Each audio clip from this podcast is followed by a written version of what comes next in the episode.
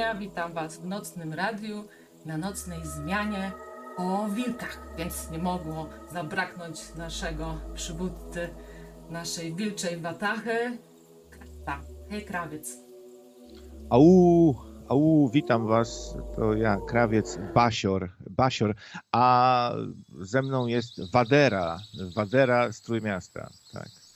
E, tak, takim przyczynkiem do tej audycji była właśnie ta książka, którą opisałam Wam tam pokrótce e, w opisie audycji. E, No bo tak sobie kiedyś z głupia frant wpisałam w internet Dobry Wilk i Zły Wilk i o dziwo wyskoczyły dwie książki o bardzo dobrych recenzjach. No i pomyślałam sobie, e, że sobie je połknę. No i faktycznie bardzo dobrze się je czytało. I głównie chciałam o tym reportażu opowiedzieć. E, On się zaczyna, on podtytuł ma ta książka Dobry Wilk autorstwa Larsa Berga, szwedzkiego dziennikarza. Podtytuł jest Tragedia w szwedzkim zoo.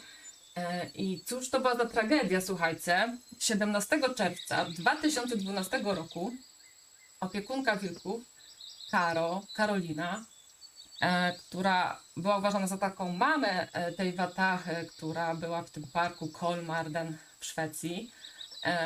No, mimo że się nimi już tam wiele lat opiekowała, została przez te wilki e, zagryziona. I e, ciekawiło mnie, czemu jakby ominęła mnie ta informacja. E, was pewnie też. E, no i wtedy sobie przypomniałam, że przecież w tamtym okresie e, to myśmy żyli Euro 2012 i wtedy e, nie miało się prawo do nas e, nic przebić. No ale akurat tą tragedią cała Szwecja e, żyła e, i to przez długie miesiące, a nawet lata, e, ponieważ tragedia miała miejsce w 2012 roku, a przed sądem e, przedstawiciele tego parku Kolmarden stanęli dopiero w 2016 roku, bo tyle czasu zajęło prokuraturze przygotowanie e, się do tej sprawy. A sam Lars Berg, który napisał ten, słuchajcie, reportaż, e, on też czekał kilka lat, aż ktoś się w końcu zajmie tą sprawą. E, no i wytrzymał nerwowo 3 lata. E, żaden dziennikarz się tym nie zajął.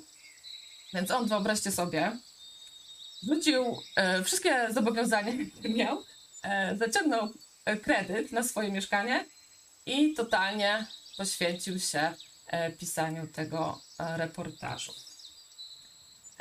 Także taki jest początek tej historii. Jest to tak naprawdę e, reportaż, który wiele wątków porusza, ale chyba najbardziej e, takim wybijającym się jest to, e, jak się zmienia stosunek, e, zmienił się stosunek człowieka właśnie do wilka, Szwedów konkretnie w tej sytuacji. Od takiej postawy, e, gdy bali się tego wilka, tępili na potęgę e, ten gatunek, aż go po prostu doszczętnie wybili w Szwecji, do takiej postawy, że e, postrzegali wilka jako takie dobre, udomowione zwierzątko. A co się działo w tym parku Kolmarden? Nie wiem, czy wyście o słyszeli, to po prostu mnie zszokowało. Słuchajcie, tam e, była taka atrakcja dostępna dla wszystkich. E, bliski kontakt z wilkiem. Za jedyne 450 zł w tamtym czasie, tak, to było e, w 2012 roku, czyli to była bardzo droga e, rozrywka, można było sobie z tymi przewodnikami wilków po prostu wejść na wybieg i zrobić sobie e, selfie z wilkiem. I to był szał tam w tej Szwecji. Na Facebooki latały e, właśnie zdjęcia z tymi wilkami.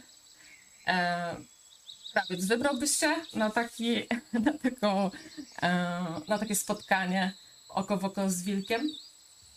Chyba nie, chyba nie, bo y, nie chciałbym po prostu wykorzystywać innego stworzenia, które jest dumne, które, wiesz, chce sobie tam odpocząć, żyć po swojemu, a ja mam sobie selfie z nim, strykać i go tam tarmosić i y, nawet nie wiem, czy bym się tak bardzo bał, no bo taki wilk, który żyje sobie już, jest przyzwyczajony do człowieka, no to, to nie ma się co bać. Wilki dzikie też właśnie no już, już dzisiaj wiemy, że one wcale tak chętnie człowieka nie atakują, prędzej uciekają od, od, od niego, chyba że wilk jest chory albo zaskoczony, co, co się rzadko zdarza, bo ciężko zaskoczyć takie zwierzę, które ma tak świetny węch i słuch, nie? E, no to wtedy może chapnąć, jak, jak broni młodych. No tutaj sytuacja bezpieczniejsza, ale tak jakoś mi w pewnym momencie życia przeszła taka ochota, żeby się e, zadowalać, wiesz, e, mieć zabawę, e, wykorzystując jakieś tam zwierzę, nie? No właśnie, jakbyś miał przyrównać e, te zwierzęta w ogrodzie zoologicznym e, do jakiejś sytuacji, z czym ci się kojarzy e, takie przetrzymywanie zwierząt w takich klatkach? Ogólnie człowiek jest dla dzikich zwierząt trochę tym, czym byli hitlerowcy dla Żydów, nie?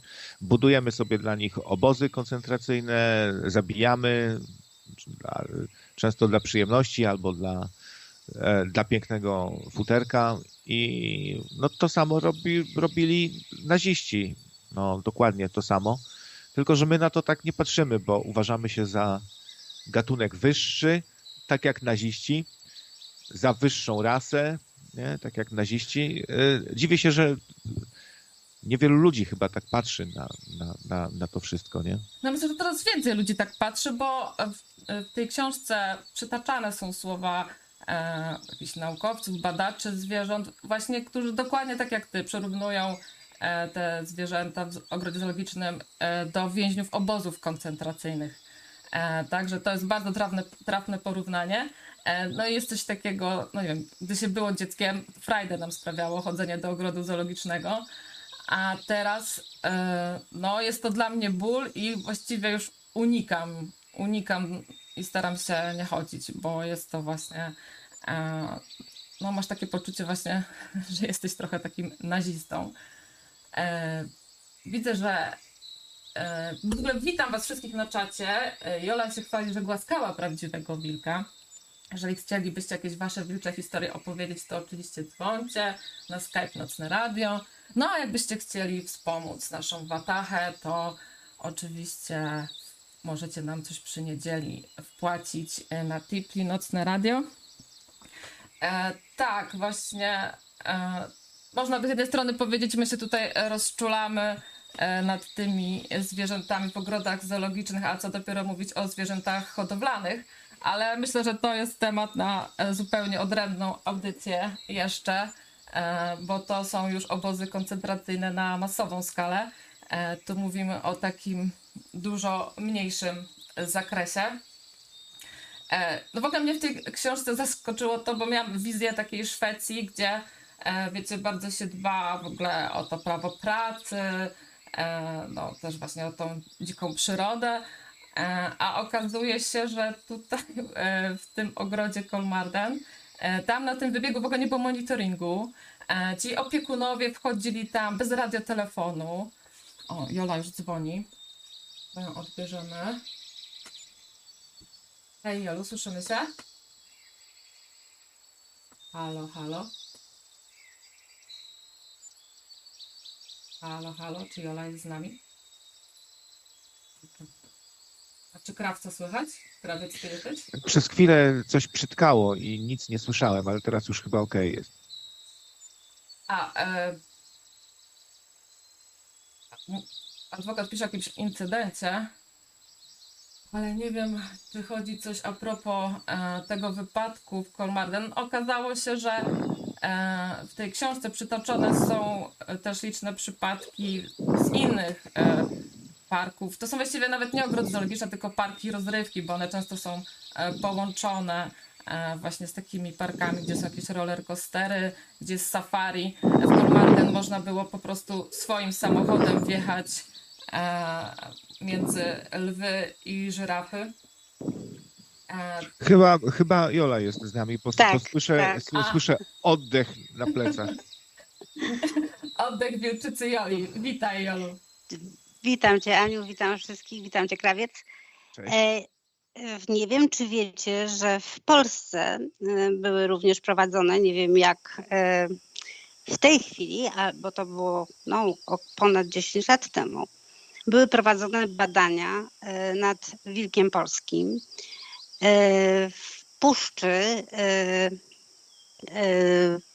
chyba Notecka, ja zawsze mylę. Notecka jest nad Wartą, tutaj mhm. ten teren e, były, zawsze mylę ją z Knyszyńską, tamta jest na, na, na, e, na wschodzie. E, były ogromne mm, takie mm, ośrodki Akademii Rolniczej w Poznaniu, która prowadziła badania właśnie nad wilkiem. I tam zgromadzili e, wilki, które były genetycznie sprawdzane, czy są z tego terenu, czy są autentyczne, i one e, były rozmnażane. Wybudowano taką dwuhektarową wolierę, przez którą przepływała rzeczka z dużymi takimi jamami nawieźli różne bale, y, różne korzenie, żeby one miały gdzie się chować. Całość była otoczona e, dziewięciometrowym płotem, ponieważ wilki fantastycznie wspinają się po siatkach. I świetne więc, podkopy robią. Pewnie jeszcze trzeba tak, było w dół betonu nalać. Tak.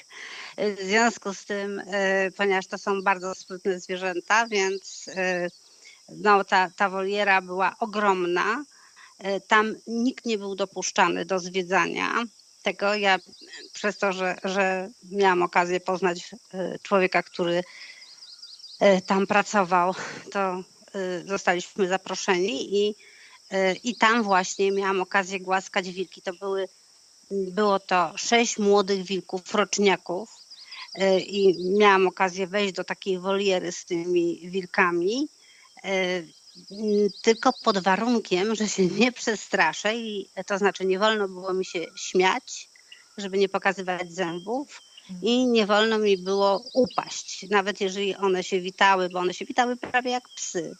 E, to nie wolno było mi upaść, ponieważ mogłyby zaatakować. Zdumienie moje było ogromne, że ta sierść wilka jest tak strasznie gładka, jak jedwab wręcz. Więc to była moja taka przygoda z wilkami. Powiem szczerze, że e, ja potem trochę nawet na ten temat czytałam i nie wiem, czy wiecie, że e, na wielu obszarach wilki zostały wytępione. Między innymi wytępione zostały wielostąd w tym Wielkim Parku Narodowym. I tam przez lata ponownie wprowadzano wilka, ponieważ wilk jest świetnym selekcjonerem on y, nie tak jak myśliwy, który zabije najpiękniejszego jelenia, on wybiera zawsze albo bardzo młode zwierzę, albo bardzo chore zwierzę.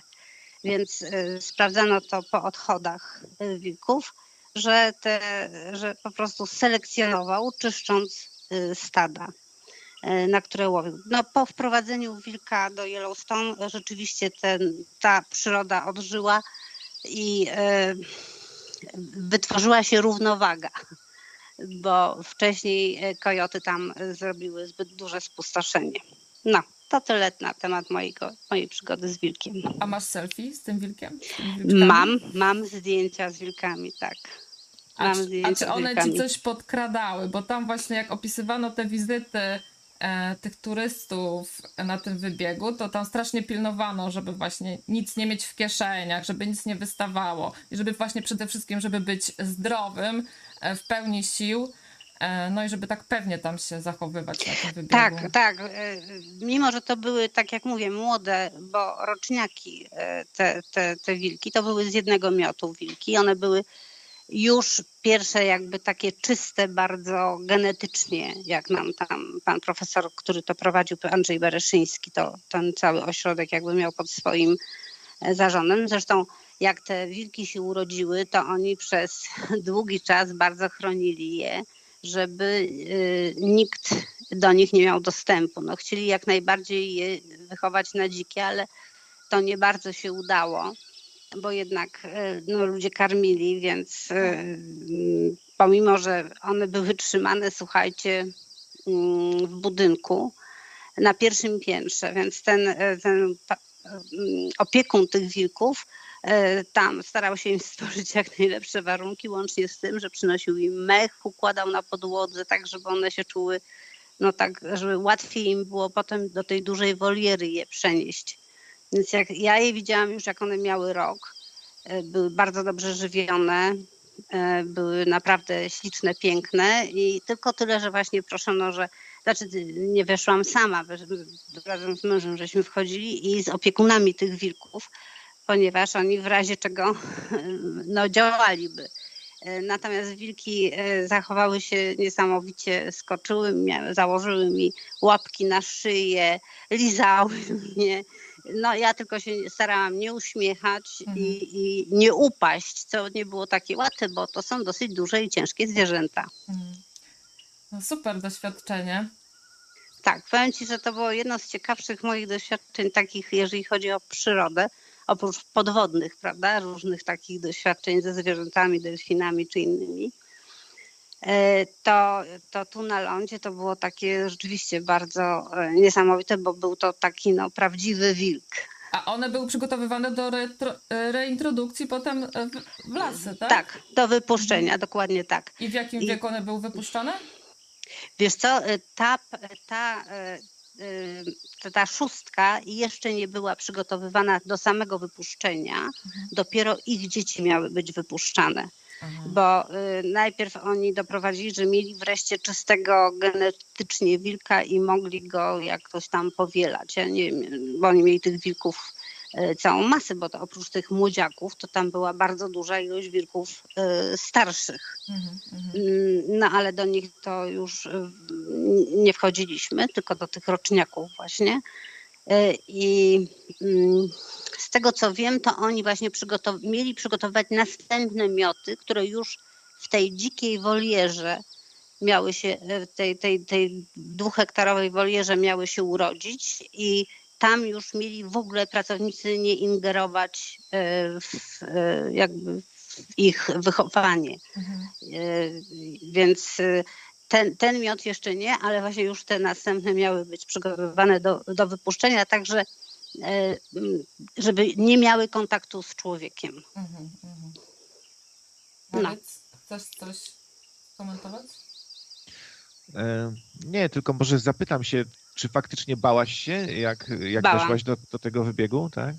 Tak, na początku się bardzo bałam, bo e, mm, wiesz, to, to roczny wilk to już jest taki wilk, że tak powiem, pełnowymiarowy.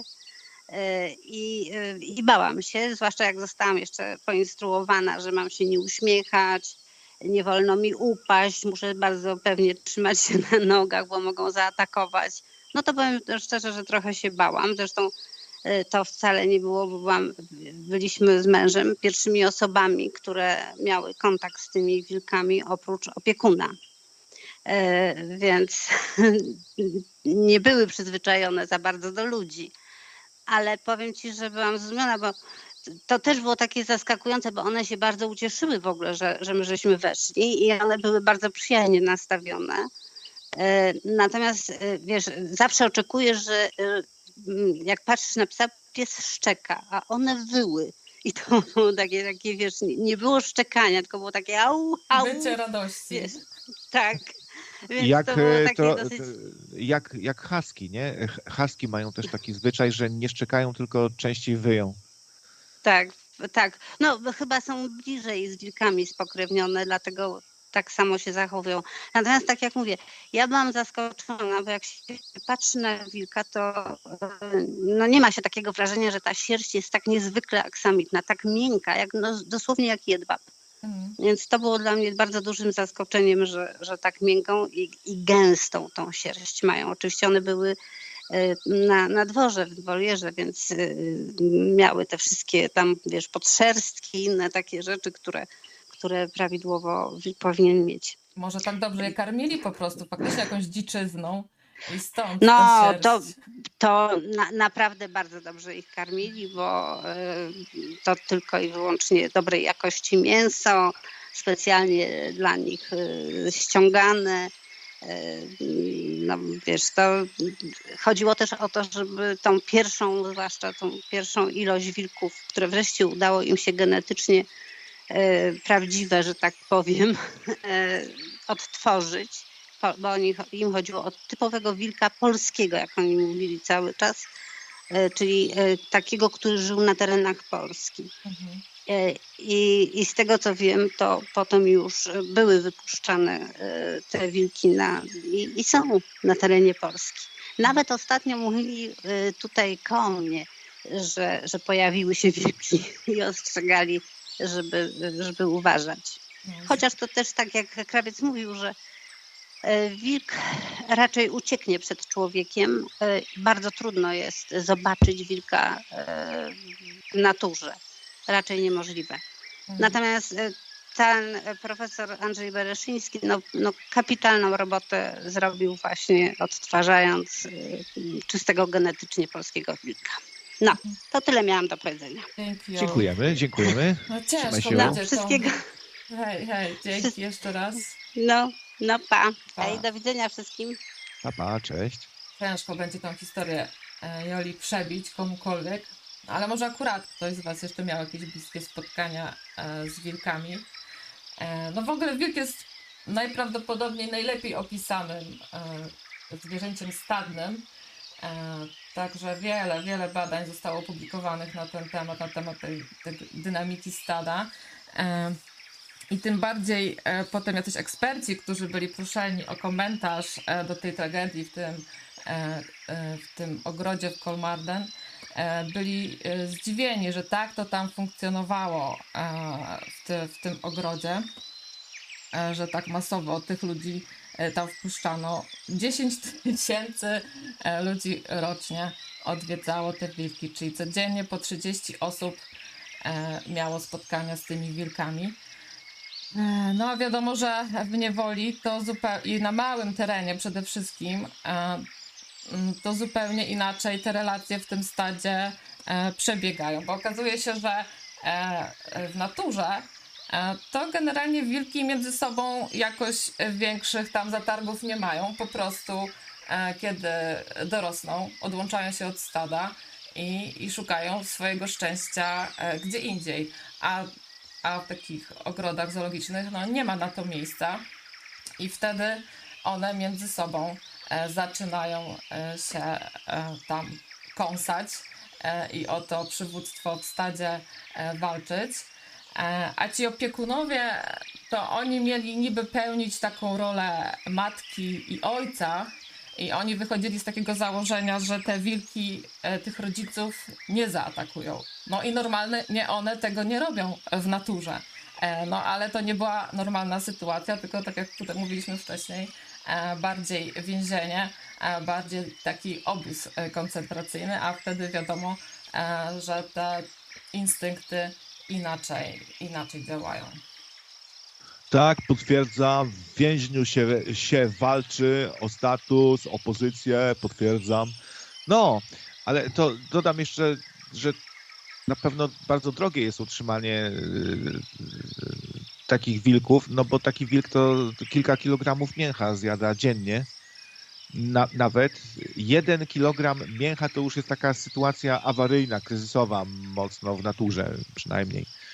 E, więc na, na pewno jak, jak jeszcze dobre mięso, no kilka kilogramów razy ilość sztuk i codziennie to mięcho, na pewno bardzo drogo to kosztuje. A co do tej, co, co do tej, co do co tej rywalizacji walk między osobnikami, no to ja, ja słyszałem, że w naturze wilki są bardzo schierarchizowane, bardzo mocno i to dużo reguluje po prostu i tych konfliktów chyba nie ma aż tak dużo bo po prostu każdy wilk zna swoje miejsce i, i godzi się na jakiś tam status, który mu przysługuje i się tego trzyma. No, jak się dwa silne samce zdarzą, no to walczą może o status samca alfa. E, Wśród, wśród braci kamratów widzimy, mamy dwa silne wilki, Olszański, Osadowski i oni się nie gryzą między sobą w ogóle. Każdy ma swoją, swoją tam, e, każdy ma swoją pozycję. E, W ogóle też taka ciekawostka, że wilki dosyć mocno się jednak różnią, nawet od tych psów, które są takie wilkowate, jak owczarek niemiecki czy husky.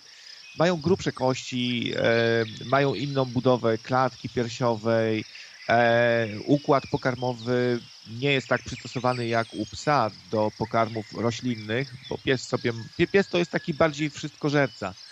Tak się zastanawiam, bo w niektórych krajach to, to jest czymś, nie, nie jest czymś niezwykłym natknąć się na watachę psów dzikich, nie?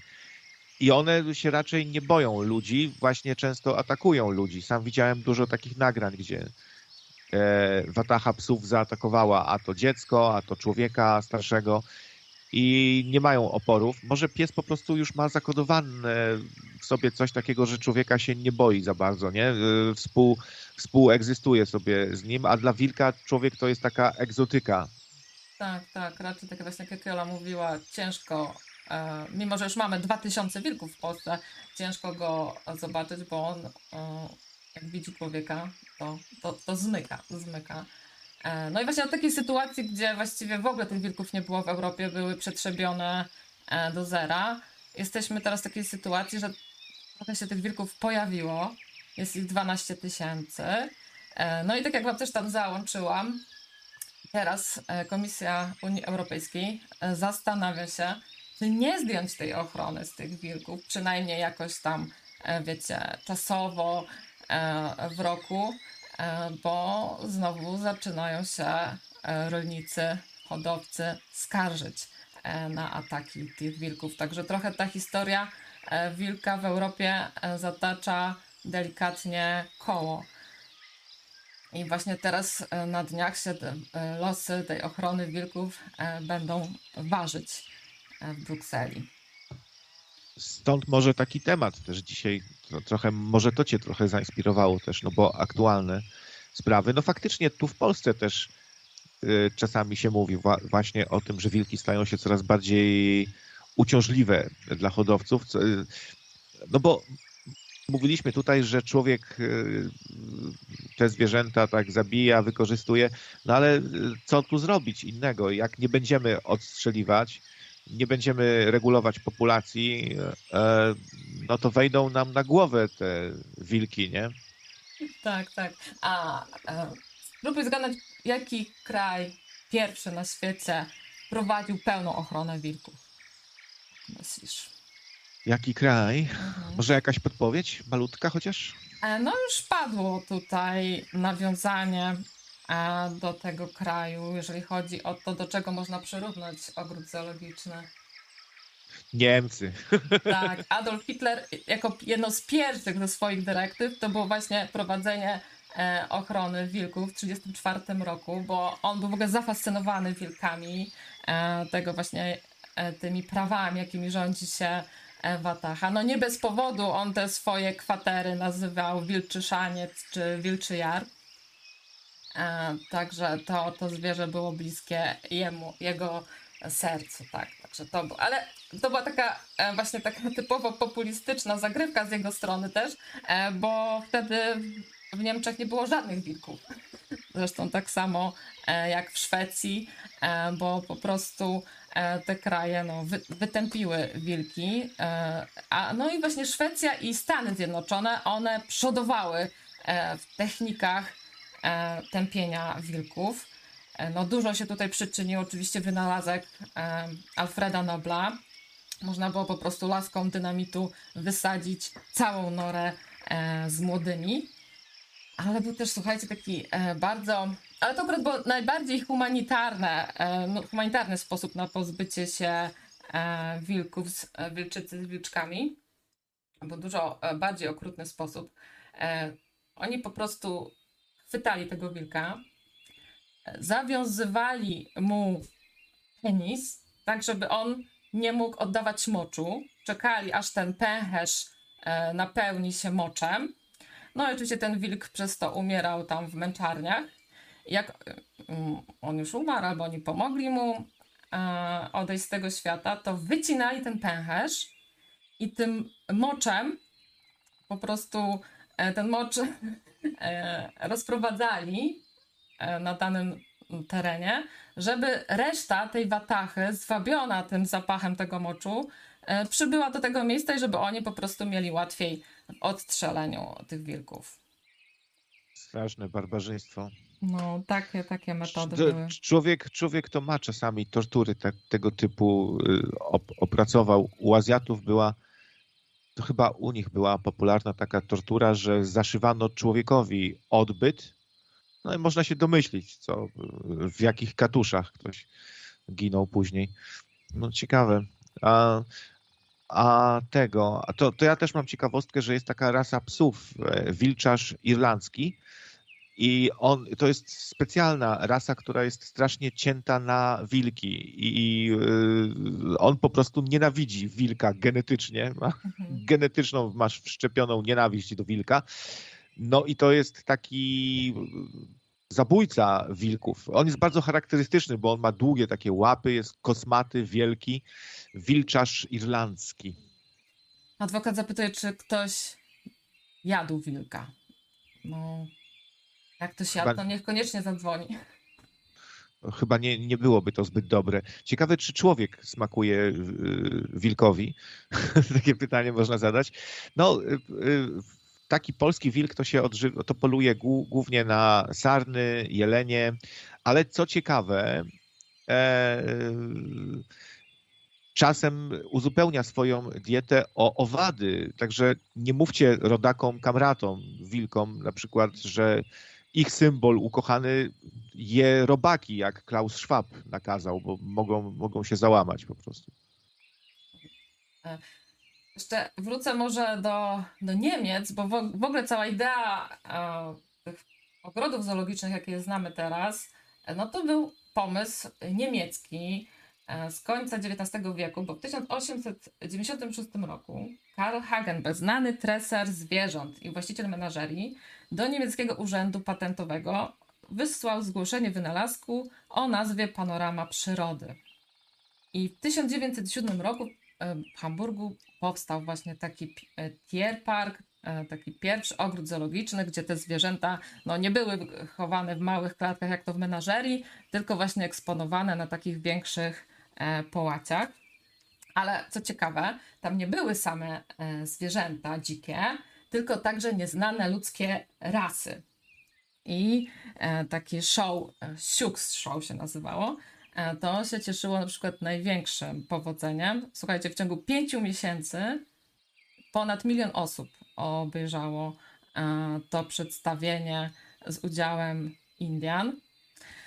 No a jeżeli chodzi w ogóle o Indian, to też Adolf Hitler w ogóle jako dziecko zaczytywał się Karolem Mayem, był wielkim wielbicielem Winetu i dla, dla niego e, taki wędrowny, wolny tryb życia Indian e, to było taka, taka idea, idea najwyższa właśnie wolności. I on ten tryb życia e, Indian przeciwstawiał takiemu dekadenckiemu, miejskiemu stylowi życia Żydów.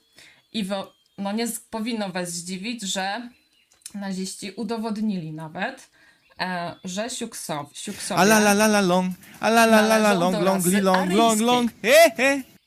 Karol Proszę, wow. Sztosburger, 24 zł 9 groszy. Ranny wilk jest bardzo groźny, więc nie chodźcie po lesie ranno. E, Karol Sztosburger wysłał donate'a, dziękujemy serdecznie. 24 zł i 9 groszy. Ranny wilk jest bardzo groźny, więc nie chodźcie po lesie e, rano. Wilk jest dziki, wilk jest zły, wilk ma bardzo ostre kły. Ale to chyba o dziku było.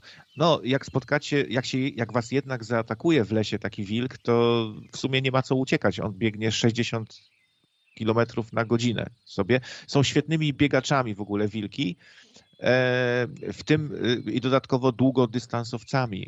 No, ale to też nie dziwne, bo wilki e, codziennie przebiegają po prostu bardzo e, duże dystanse, więc są wytrenowane w tym. No ale też i z natury po prostu takie są.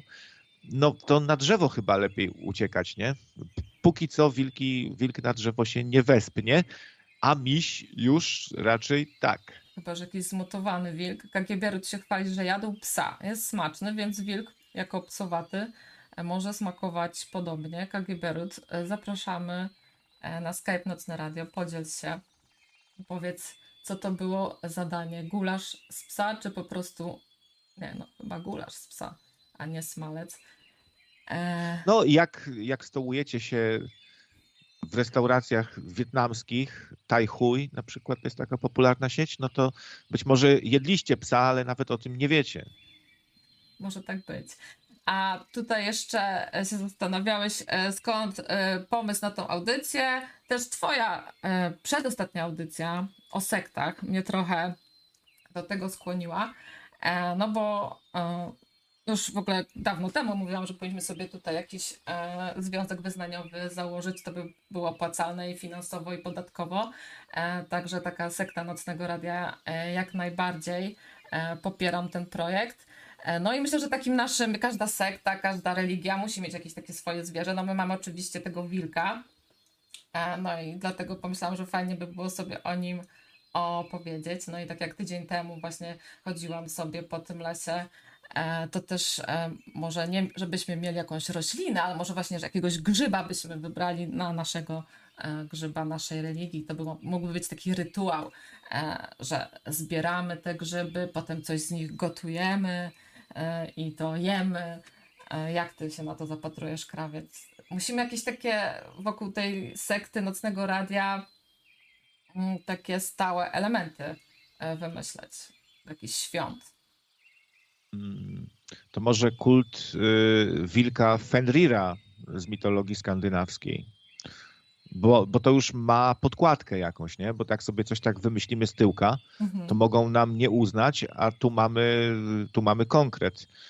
E, No i co? I wierzylibyśmy, że zbliża się czas, kiedy ten wilk Fenrir uwolni się z łańcucha, zerwie łańcuch i nastąpi Ragnarok. Taka jakaś. e, Są ciągle te sekty chrześcijańskie, a my zróbmy sektę nawiązującą do mitologii skandynawskiej, nie? No, Może. coś nowego na rynku. I, I wiesz, i wtedy to pasowałyby muchomory też jakieś. Wikingowie lubili się raczyć chyba też amanitą muscardią lub jakimiś innymi wynalazkami, grzybkami, no do wojaczki, albo żeby może e, doświadczyć jakichś stanów transcendentalnych e, przy wizycie u szamana. No chętnie, e, jak miałbym zakładać sektę, to bardziej w tym kierunku, nie? Okej, okej, będziemy nad tym pracować. A KG Brut pisze, że e, to był pies smażony z cebulą, smak zbliżony do jagnięciny. Gulasz zniekształca smak ptowiny. Okej. To ci smakosz. No, Bie- Bierut, on jest taki bardzo mięsny, jak często się wypowiada, jak się temat mięsa pojawia. Ma coś z wilka chyba. Tak, nasz radiowy ekspert mięsny. E, jeżeli, aha, jeszcze też ostatnio, ostatniej audycji właśnie też rozmawialiście z Czektulem właśnie o, tam padło coś takiego, że, że właśnie tak, e, no te zwierzęta w tych klatkach, a e, była ta rozmowa z Tachem i, i Tachu też mówił, że jego te gady w tych klatkach nie ruszają, E, Czektul mówi, że małpy w klatkach też go nie obchodzą. No ja właśnie się poczułam zdziwiona, bo mnie to bardzo rusza i bardzo mnie, no nie wiem, czy to jest kwestia wieku, ale e, no bardzo nieswojo się czuję z tym, jak chodzę e, po tych ogrodach zoologicznych e, i widzę te uwięzione zwierzęta. I to jest, słuchajcie, taki moim zdaniem trochę pad. E, No bo wi- wiemy, że te gatunki w większości, gdyby nie te ogrody, to one by już w ogóle nie istniały, by wyginęły. E, No a z drugiej strony są więzione. E, No i w ogóle wiele z tych, e, tych zwierząt e, w tych ogrodach zoologicznych gdzieś tam z tyłu po prostu umiera. Dużo umiera dlatego, bo no niestety z racji tego, że jest ich tak mało, no to przez ten chów wsobny one się często właśnie rodzą takie zdegenerowane. A czasami jest po prostu tak, że jest ich za dużo z kolei. I tutaj Jola właśnie mówiła o, tych, e, o tym wilku polskim, że, e, że tu chodziło o to w tym projekcie, żeby e, taki dobry genom tak, uzyskać. No i też pojawiają się takie, słuchajcie, akcje, żeby zerwać z tą taką wizją ogrodu zoologicznego jako takiego raju, tak, takiej arki Noego, gdzie tutaj jest wszystko pięknie, ładnie, nie ma tej śmierci. E, No i e, to też jest przykład właśnie z tego reportażu. E, W kopenhaskim zoo wpadli na taki pomysł, że żeby właśnie skończyć z tą disneyfikacją zoo, oni pokażą publicznie, jak dokonują uboju na żyrafie o imieniu Marius, ponieważ wyszło im tam, że oni mają za dużo żyraf samców dwuletnich. E, No i tutaj e, ten właśnie zestaw genów Mariusa się za bardzo im tam do niczego e, nie mógł przydać. I ogłosili właśnie coś takiego, żeby pokazać ludziom, że zo to jest też śmierć. Tutaj po prostu tego Mariusa zabijemy na waszych oczach. O kurde. No i niełatwo, nie trudno się domyślić, że e, wywoła to wielką falę oburzenia. E, zgłosiło się oczywiście kilka ogrodów zoologicznych, które e, wyraziły chęć wzięcia Mariusa do siebie. Ale oni byli zatwardziali, po prostu ktoś tam sobie wbił do głowy, że ludzi wyedukuje i pokaże im, że życie to nie bajka, a przynajmniej nie ogród zoologiczny. I mimo e, tysięcy maili, e, mimo gruźb, bo tam też e, do tych pracowników zoo docierały groźby, że to ich się powinno tam poćwiartować. E, oni, oni to zrobili, no ale e, no, efekt marketingowy był, był okropny i nie spotkało się to absolutnie ze zrozumieniem e, społeczeństwa. E, Jak ty, krawiec, postrzegasz takie akcje? Chyba zbyt, zbyt radykalne. Sam nie wiem, kurczę. No, jest to coś naturalnego w sumie, nie? Naturalne rzeczy nie powinny nas aż tak szokować, no bo to jest, na, to jest naturka, no. No właśnie, to też nie I- jest naturka, bo to całe zoo to nie jest natura, nie? Bo tutaj oni sobie, wiesz, e, wyszło im, że mają za, za dużo w tym, e, w tym stadzie tych żyraf. No i teraz on, mimo że on był zdrowy, on na nic nie chorował, on miał dwa lata, ten Mariuszek, piękny żyraf, ale już mieli limit, no tam nie wiem, mamy dw- 20 żyraf, no sorry Mariusz, jesteś 21, e, nie ma tu miejsca dla ciebie. To nie jest naturalne w sumie, nie? W sumie tak. No ale nic, co wilcze, nie powinno nam być obce. W sumie, no. Takie, takie życie. No szkoda Mariusa, no, ale to co chwilę gdzieś jakieś zwierzę jest zagryzane, często żywcem. Chociaż słyszałem, że taki jakiś jelonek czy antylopa to są takie mm, zwierzęta, które mają słabe serca i taki ogromny stres, ból powoduje, że że często taki zwierzak dostaje zawału po prostu, zanim jeszcze zostanie tak dotkliwie, wiesz, zagryziony, pogryziony. Tak to czasem ponoć jest, ale nie wiem, czy to prawda, czy to nie jest jakiś fake. E, nie, bardzo prawdopodobne e, to, e, jak te zwierzęta się różnią między sobą, to jest fascynujące. Dowiedziałam się także, że mm, delfiny, walenie, one w ogóle nie oddychają automatycznie, tak jak my, tylko jest to u nich w pełni świadomy proces. I do czego zmierzam? No, oprócz takich e, wybiegów z wilkami, e, jest też sporo delfinariów. W tym parku Kolmarden e, też jest delfinarium. No i w ogóle te delfinaria to się cieszą wielką popularnością, bo tam są wiadomo jakieś takie pokazy z muzyką, ze światłami. Delfinki wykonują swoje zadania i zostają nagradzane jedzonkiem. To jest właśnie też porównywane często do takiego e, niewolnictwa, gdzie po prostu za jakieś sztuczki, wykonane zadania e, dostają te zwierzęta jedzenie, a nie tylko za to, że są. E, Muszą być po prostu posłuszne i ciężko pracować na te swoje śledzie. I był przytoczony taki przykład nie wiem, delfin, delfiny Katie, która była wielką gwiazdą w latach 60., bo był tam w Stanach Zjednoczonych było takie show, e, które się nazywało Flipper, e, właśnie o, o takim delfinie. E, No i póki kręcili ten show, to było wszystko pięknie, ładnie. No ale ta de, delfica, nie wiem jak to, jak to odmienić, Katie w każdym razie... Delfi, przy- chyba delfinica po prostu, nie? De, no, nie, no tak, no, Delfinice. delfinica. No. Ach, te feminatywy tyle problemów sprawiają. E, w każdym razie Keifi przyszła na emeryturę i trafiła po prostu e, do małego e, baseniku. No i najzwyczajniej w świecie popadła w depresję i popełniła samobójstwo. Po prostu któregoś dnia przestała oddychać.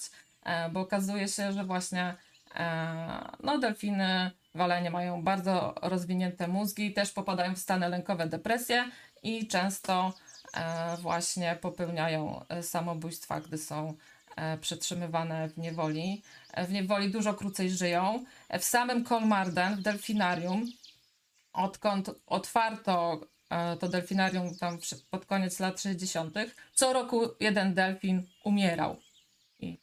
E, niewykluczone, że większość z nich właśnie e, po prostu popełniała samobójstwo. Skoro dla nich jest to tak łatwe, oni, one po prostu decydują, że przestają oddychać i się topią. Mm. No, ale takie, jak już są te zwierzęta w niewoli, to w sumie dobrze, że, y, że czują, że, że mogą jakby zapracować na coś. To może im, y, one mogą nie patrzeć na to tak, że, się, że robią pajaca z siebie, nie? Tak jak człowiek mógłby patrzeć, że ro, robi jakieś triki, sztuczki, dostaje smakołyka, tylko przypuszczam, że mają trochę prostsze tu myślenie i kojarzy im się to, że wykonały jakąś pracę, że zasłużyły, zapracowały sobie na coś jakby tego nie miały, to, y, to właśnie byłoby to gorsze dla ich kondycji psychicznej pewnie. Tak, no może tak być, że one dzięki te- temu czują się jakby potrzebne, ważne, tylko zobacz, co się dzieje potem, nie? Gdy ten delfin już przechodzi na tą swoją delfinią emeryturę, ląduje e, w jakimś zapyziałym baseniku, już nie ma tej atencji i wtedy no ludzie też niektórzy, jak przychodzą na emeryturze, e, szybko umierają, bo się okazuje, że jednak nie potrafią sobie bez tej pracy e, poradzić. No ale to jest, e, w ogóle te pokazy delfinów to mi się strasznie z cyrkiem e, kojarzą. I w ogóle sama idea cyrku e, to jest kolej, kolejny temat. Ja byłam święcie przekonana, jeszcze tam powiedzmy kilkanaście lat temu, że te cyrki jakby wymrą śmiercią naturalną, no że mamy już po prostu tyle tych różnych rozrywek. Ten cyrk to jest trochę taki paździerz, umówmy się. Kto tam będzie chodził? A jest wręcz odwrotnie. Słuchajcie, w ciągu ostatniego miesiąca tu w mojej wsi rozbiły się trzy cyrki. Normalnie A nadal, rozbijały się e, dwa, a teraz doszedł jeden, czyli jakby konkurencja rośnie w tym biznesie. A orientujesz się, czy nadal w cyrku tak często występują zwierzęta, czy odchodzi się od tego na rzecz y, ludzkich cyrkowców, jakichś sztuczek, innych pokazów? E, ostatni raz w cyrku byłam z jakieś 9 lat temu, e, ale no, podejrzewam, że tam niewiele się zmieniło. E, zawsze jest jakiś wielbłąd, jakiś słoń, jakiś miś, e, no są też pieski. Nie ma tych zwierząt jakoś dużo, ale jednak są. Nie? To jest tak przeplatane. Występ klauna, występ akrobatów i teraz wielbłąd. E, I dawaj znowu. Ten sam klaun z jakimś innym sketchem, jacyś inni akrobaci i potem ten miś. Nawet te psy, które robią te sztuczki w tym cyrku, to mnie doprowadzają do, e, do łez, nie? Bo to, no to, to, na to też się e, niemiło patrzy. E, Także nie, no cyrk dla mnie to jest, to jest cyrk dopiero. No, takie buractwo troszeczkę i, i paździerz, tak jak powiedziałaś, nie? No to taka rozrywka i w sumie raz na jakiś czas też się zdarza, że jakiś wypadek śmiertelny, że akrobata spadnie na łeb, na szyję. Nie zawsze ta siatka jest. Tak. A, więc więc to, to, to, to, a poza tym, a clown też, no też jakby postrzeganie klauna się zmieniło tak kulturowo. Swego czasu nawet McDonald's zrezygnował z tej maskotki swojej, z tego Ronalda McDonalda, bo klauny zaczęły się upiornie kojarzyć po różnych horrorach. I no, co tam oglądać? No, jakiegoś klauna, to, który się kojarzy źle, te zwierzęta w niewoli. Akrobatę też jakbym oglądał, to, to bym się trochę tak przejmował, że, że a jak spadnie zaraz na łeb nie, i zabije się człowiek na moich oczach, to nie będzie przyjemne. No taka średnia rozrywka, wydaje mi się. Są, są dzisiaj ciekawsze rozrywki. Można, jak ktoś, ktoś ma pieniądze, to przecież znajdzie sobie dużo innych ciekawych rozrywek, lepszych. No I to dziwne, że to nie zdechło, nie umarło śmiercią naturalną. No i jeszcze te, te, te zwierzęta, y, które są takie właśnie dumne, które nie są stworzone jakby do życia w niewoli, jak lew e, na przykład, nie? E, w, he, w heraldyce używano chętnie tych zwierząt, które były albo kojarzone z siłą, właśnie jak niedźwiedź, albo z drapieżnością, jak wilk, albo ze, y, ze zręcznością i sprytem. To takie cztery jakby cechy. Siła, drapieżność, no może trzy, bo drapieżność to taka zręczność jest trochę, nie? Siła, drapieżność, zręczność, spryt. I nie wiem właśnie, starałem się dzisiaj tak na szybko sprawdzić, y, jak chętnie był używany wilk w heraldyce. Wydaje mi się, że, że chyba chętniej współcześnie się go używa jako symbol. Dość popularny symbol, nie? Symbol, symbol wilka. E, Waligura twierdzi, że nie ma e, już zwierząt w cyrku, e, a bracia kominiarze piszą, że ma wrażenie, że klaunów wyparli iluzjoniści, a z kolei Lechita zapytuje, jaki dziś temat. No jeden główny, taki ogólny temat to wilki w ogrodach zoologicznych, ale mamy sporo tematów pobocznych. No dla mnie najważniejsze jest właśnie ta kwestia, e, jak z tą dziką przyrodą, jak ją tą dziką przyrodę chronić e, i, i, i czy te ogrody zoologiczne e, to jest dobry kierunek. A drugi temat to jak ze społy- na przykładzie Szwecji, jak ze społeczeństwa, gdzie te wilki tępiono i ich nienawidzono, gdzie, gdzie one no, zostały eksterminowane, nastąpiła taka rewolucja, gdzie ten wizerunek się totalnie zmienił e, na właśnie takie dobre zwierzę, do którego można wyjść, wejść na ten wybieg, można sobie z nim zrobić fotkę. E, no i teraz, no mówię, zatacza ta historia trochę koło, bo już tych wilków w tej Europie przybyło e, i znowu pojawiają się głosy, że warto by coś z tą rosnącą populacją robić. Także ewidentnie e, ciężko pogodzić e, człowieka e, z tą dziką przyrodą e, i ciężko tu tą równowagę zachować. E, także jak macie się ochotę wypowiedzieć w tych tematach, e, to zapraszamy na antenę. Może gdyby człowiek zaczął kolonizować inne planety, to mielibyśmy problem częściowo rozwiązany, bo można by wtedy spokojnie przeznaczać duże, ogromne połacie terenu, żeby sobie tam żyły po prostu jakieś zwierzęta dla zachowania gatunku. Można by na wycieczkę sobie polecieć właśnie na inną planetę, żeby zobaczyć no, gdzieś jakieś zwierzęta. No co się śmiejesz, a może kiedyś będą podróże kosmiczne łatwo dostępne i średnio zamożnego Polaka będzie stać, żeby będzie sobie od, odkładał na wycieczkę w kosmos. No jest ale końcu... bardzo odkrywczy pomysł zaadaptować e, jakąś planetę tylko dla wilków. Tylko co te, na kogo te wilki by tam polowały? Trzeba by tam jeszcze trochę owiec. No, trzeba by stworzyć jakiś ekosystem i żeby sobie żyły. Planeta wilków. Ciekawe. No, e, my ludzie tak często rozmawiamy o, o tym, że szykują nam N, NWO, e, chcą nam zrobić NWO, zaczipować nas a w sumie to wszystko zwierzętom fundujemy, bo i chipujemy cały czas zwierzęta i trzymamy je w niewoli, gdzie zwierzę jest, żyje tak, jak według właśnie opowieści, według teorii spiskowej chciałyby elity, żebyśmy my żyli, czyli zero wyzwań, zero walki, zero, tylko tak siedzą sobie i śpią, nie? I leżą i odpoczywają i dokładnie to samo fundujemy zwierzętom. Mhm. Taką misję. Tak. E, ale czasami ten e, kontakt z tymi zwierzętami doprowadza do jakichś przewrotów, metamorfoz. E, wspominałam o tej delfinicy Kefi, która popełniła samobójstwo. Otóż jej trener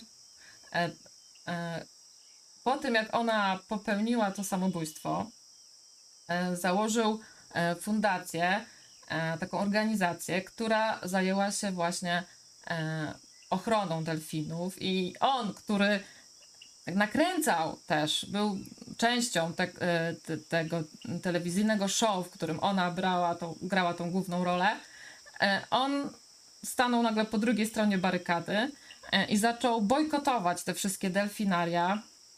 E, On był też kiedyś e, taki znany film Zatoka Delfinów. E, Pewnie słyszeliście, e, gdzie właśnie protestowali ekolodzy e, przeciwko ubijaniu tych delfinów u japońskich wybrzeży, bo dla Japończyków to jest to mięso z delfinów, to wielki przysmak. No właśnie ten, ten, ten Richard Obary chyba się nazywał ten, ten treser, ten założyciel tej fundacji, on właśnie mm, jakby tą akcją przeciwko e, e, tym osobom, które polowały na te delfiny, to on tam dowodził. E, No i też w ogóle ciekawe, kiedy się to całe takie ekologiczne ruszenie e, zaczęło, od czego to wszystko wystartowało.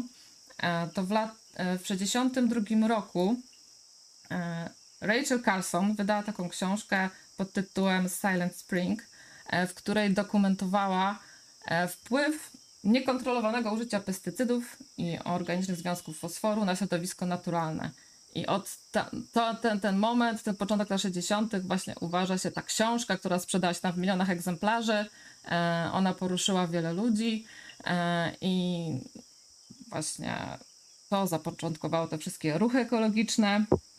E, Na skutek tej publikacji e, powstała na przykład Amerykańska Agencja Ochrony e, Środowiska i też wprowadzono zakaz stosowania DDT w rolnictwie e, w USA. E, No i to się tak w sumie zbiegło też właśnie e, z tą metamorfozą tego, tego założyciela tej fundacji na rzecz delfinów i wtedy te wszystkie fundacje, takie organizacje na rzecz ochrony zwierząt zaczęły się pojawiać.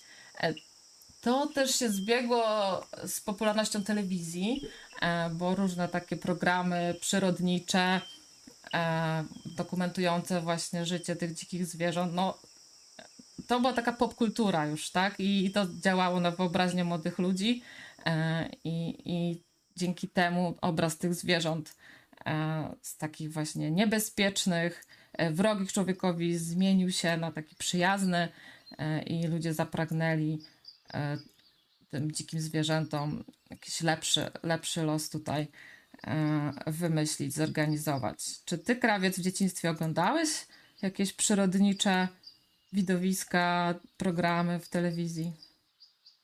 Tak, mój ojciec y, bardzo lubił zwierzęta, interesował się zwierzętami. Mieliśmy dużo różnych zwierząt. Zapamiętałem, jak, jak kiedyś mi po raz pierwszy pokazał taki brutalny film, jak jakiś, jak właśnie jakiś wilk dopada sarnę czy coś takiego, i, a, a ja wryk po prostu, wryk i zwiałem. I, e, I ojciec potem przekonywał matkę, że no to trzeba takie coś pokazać. No, chłopak coraz starszy jest, nie? Ale e, mnie, mnie to jakoś przeraziło, bo wcześniej miałem tylko, wcześniej tylko kreskówki ze, zwierzęta, ze zwierzętami oglądałem, albo takie programy przyrodnicze, gdzie Krystyna Czubówna coś pięknie opowiada, nie? I są y, ładne scenki pokazane. No, a zwierzęta bywają straszne. Być może jest trochę tak, że wraz, wraz ze wzrostem inteligencji rosną różne takie zachowania, które możemy u, uznać za okrutne, złe, no bo delfiny też to jest trochę mit, że one są takie grzeczne, pokojowe, słodkie. One w naturze są okropne wobec siebie. Delfiny tworzą takie gangi, swoje własne delfinie, które dręczą i terroryzują, e, gwałcą też, tak jakby, inne, inne osobniki, te słabsze. E, Mają nawet e, i zaczynają ludzi w tym wszystkim przypominać, bo mają nawet taki jakby swój rap, to znaczy one wydają inne, bardzo charakterystyczne dźwięki, tak jakby muzyka ich, nie? Mhm. E, tak jak sobie u nas gangsterzy słuchają rapu, hip-hopu jakiegoś, to, to, to delfiny też mają swoje, swoje takie własne dźwięki i one mm, w ogóle i zagryzają, i porywają, i dręczą, gwałcą y, inne te słabsze osobniki.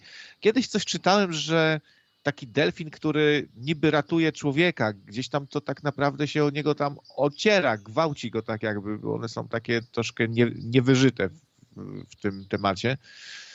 No, tak więc y, nie takie słodkie te delfiny. A adwokat zapytuje, skąd mieli pewność, że faktycznie popełniła samobójstwo, czy to nie była czasem propaganda? No ten Richard Obary też został to zapytany, skąd on niby wie, że ta Keifi popełniła samobójstwo. No on twierdził, że na tyle, na ile on ją znał, tyle lat z nią spędził, e, to, to, to, to była taka jego opinia, więc to nie było jakoś udokumentowane. E, A X zastanawia się, jak ktoś ukształtował książką. Słuchaj, no dokładnie taki cytat tutaj mam, e, że ta książka miała kluczowy wpływ na ukształtowanie się ruchu ekologicznego, ale może faktycznie ja to trochę źle e, ujęłam. E, na pewno ona zmieniła sposób e, postrzegania przez opinię publiczną relacji człowieka ze środowiskiem naturalnym. E, No, a KB wspomina państwa gucwińskich. Ty się kiedyś chyba chwaliłeś, że twój tata znał ich, tak? Bo Tak, tak. Byłem kiedyś w odwiedzinach u państwa gucwińskich z rodzicami. I masz zdjęcie z Kuczkowskimi? Gdzieś tam może jest. E, czyli co, często chodziłeś do tego wrocławskiego zoo z racji tego, że twój tata tak uwielbiał zwierzęta i tam e, znajomym był z Gucwińskimi? Tak, tak. On w ogóle też Gucwińskim przygotowywał jakieś plakaty wyborcze. To jeszcze się wtedy to robiło na sitodruku, nie na A jak komputerze. wyborczy to Gucwiński startował? Tak, gdzieś tam, start, gdzieś tam startował, gdzieś do czegoś, nie wiem. To które klatki najbardziej lubiłeś z małpami? Nie pamiętam w sumie, ale lubiłem, cho- lubiłem chodzić do zoo. To było y, bardzo wyjątkowe miejsce. Mhm. Wiesz, y, w zoo to, to, to, to nagle czujemy te wszystkie zapachy dziwne, dźwięki dziwne, nie? Jak ktoś jest taki bardziej sensytywny, to to na niego mocno y, działa. A tu jeszcze ciekawostkę o delfinach wyczytałem. Samce pocierają nosami swoje genitalia i penetrują się analnie. Można zaryzykować y, twierdzenie, że mamy do czynienia z gangami gejów pasących samice wyłącznie do reprodukcji. Proszę. O, Także takie są delfiny. Trochę jak u reptylian, bo tam u nich tylko dwie- 2% samic, to trochę tak podobnie brzmi. E, A Jola pisze, że niebezpieczne, e, gdy myślą, że nurek podrywa ich samicę. Tego nie wychodzi się żywym, czyli nur, O, nurkowie muszą bardzo uważać. A Aldona mówi, że najbardziej lubi oglądać goryle. E, Rozumiem, że w gdańskim zoo. Aldona, zadzwoń. Dawno cię nie było na antenie. Opowiedz, kiedy ostatnio byłaś e, w naszym trójmiejskim ogrodzie zoologicznym. E, Z tym naszym trójmiejskim ogrodem zoologicznym jest taki problem, że on jest, znaczy to jest akurat wielki atut, bo on jest mega duży i do jakiego innego zoo się nie pojedzie, to się przy nim e, wydaje po prostu wszystko inne małe. E, Jest naprawdę olbrzymi ten nasz ogród.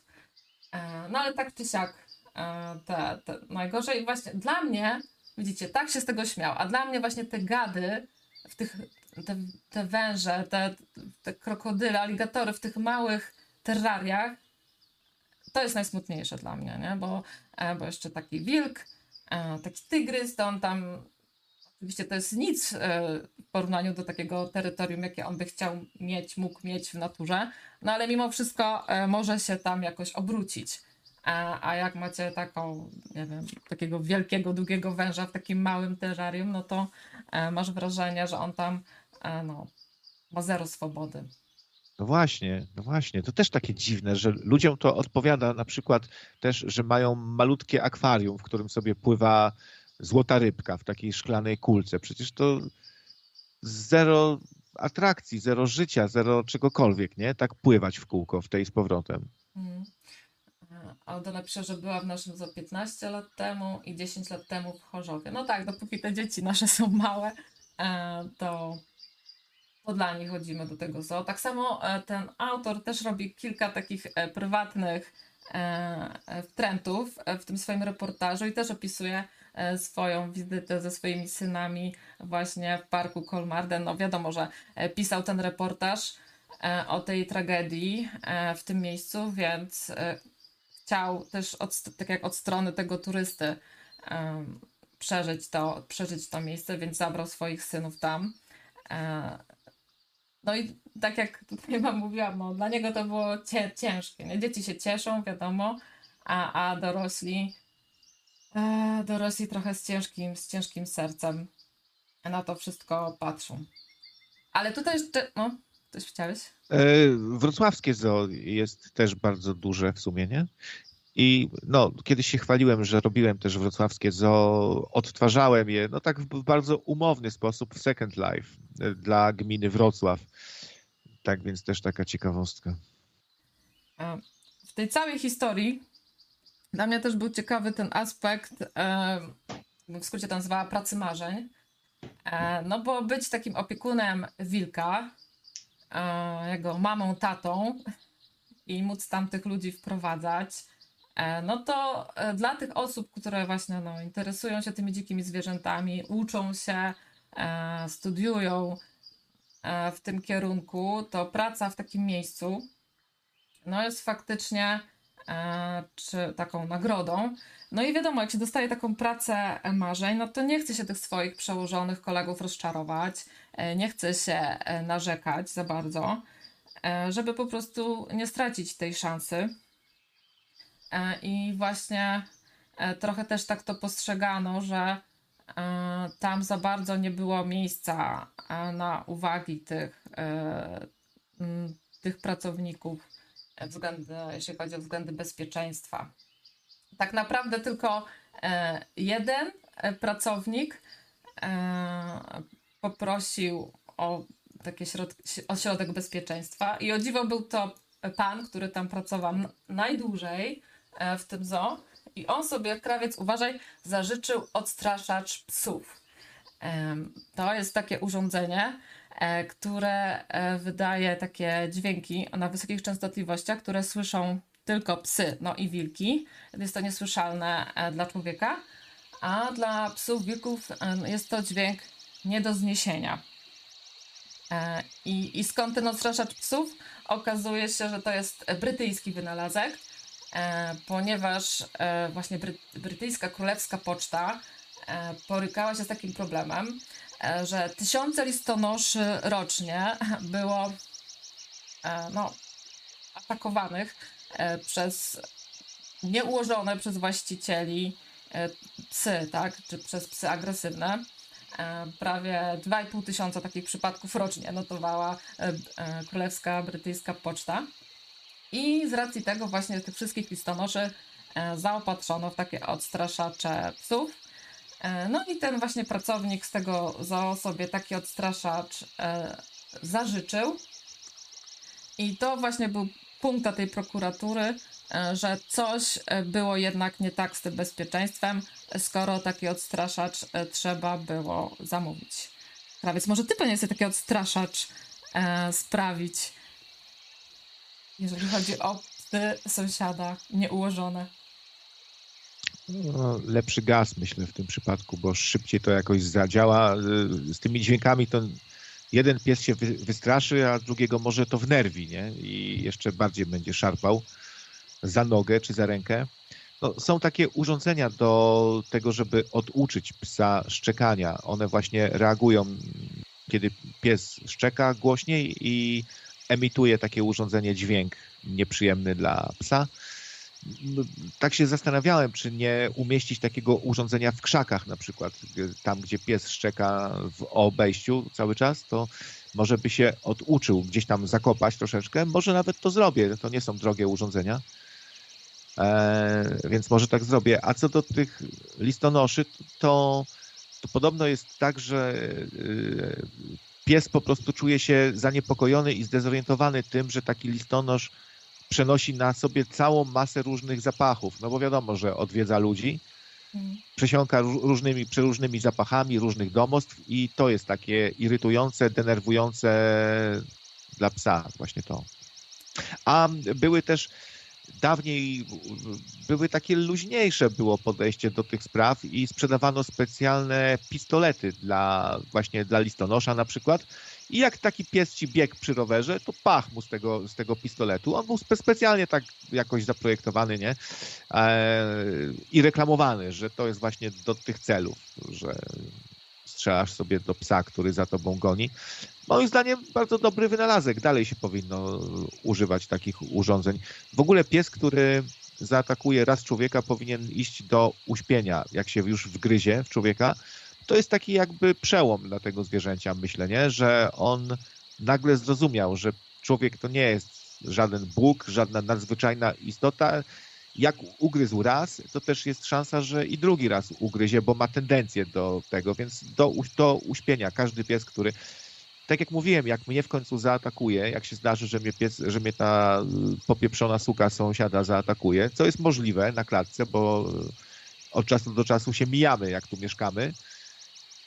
Była już sprzątaczka ugryziona, coś, ja po prostu biorę tego psa za wszarz i rzucam nim o schody i zabijam go. Nie, w ogóle się nie, nie, nie, nie patyczkuję, nie?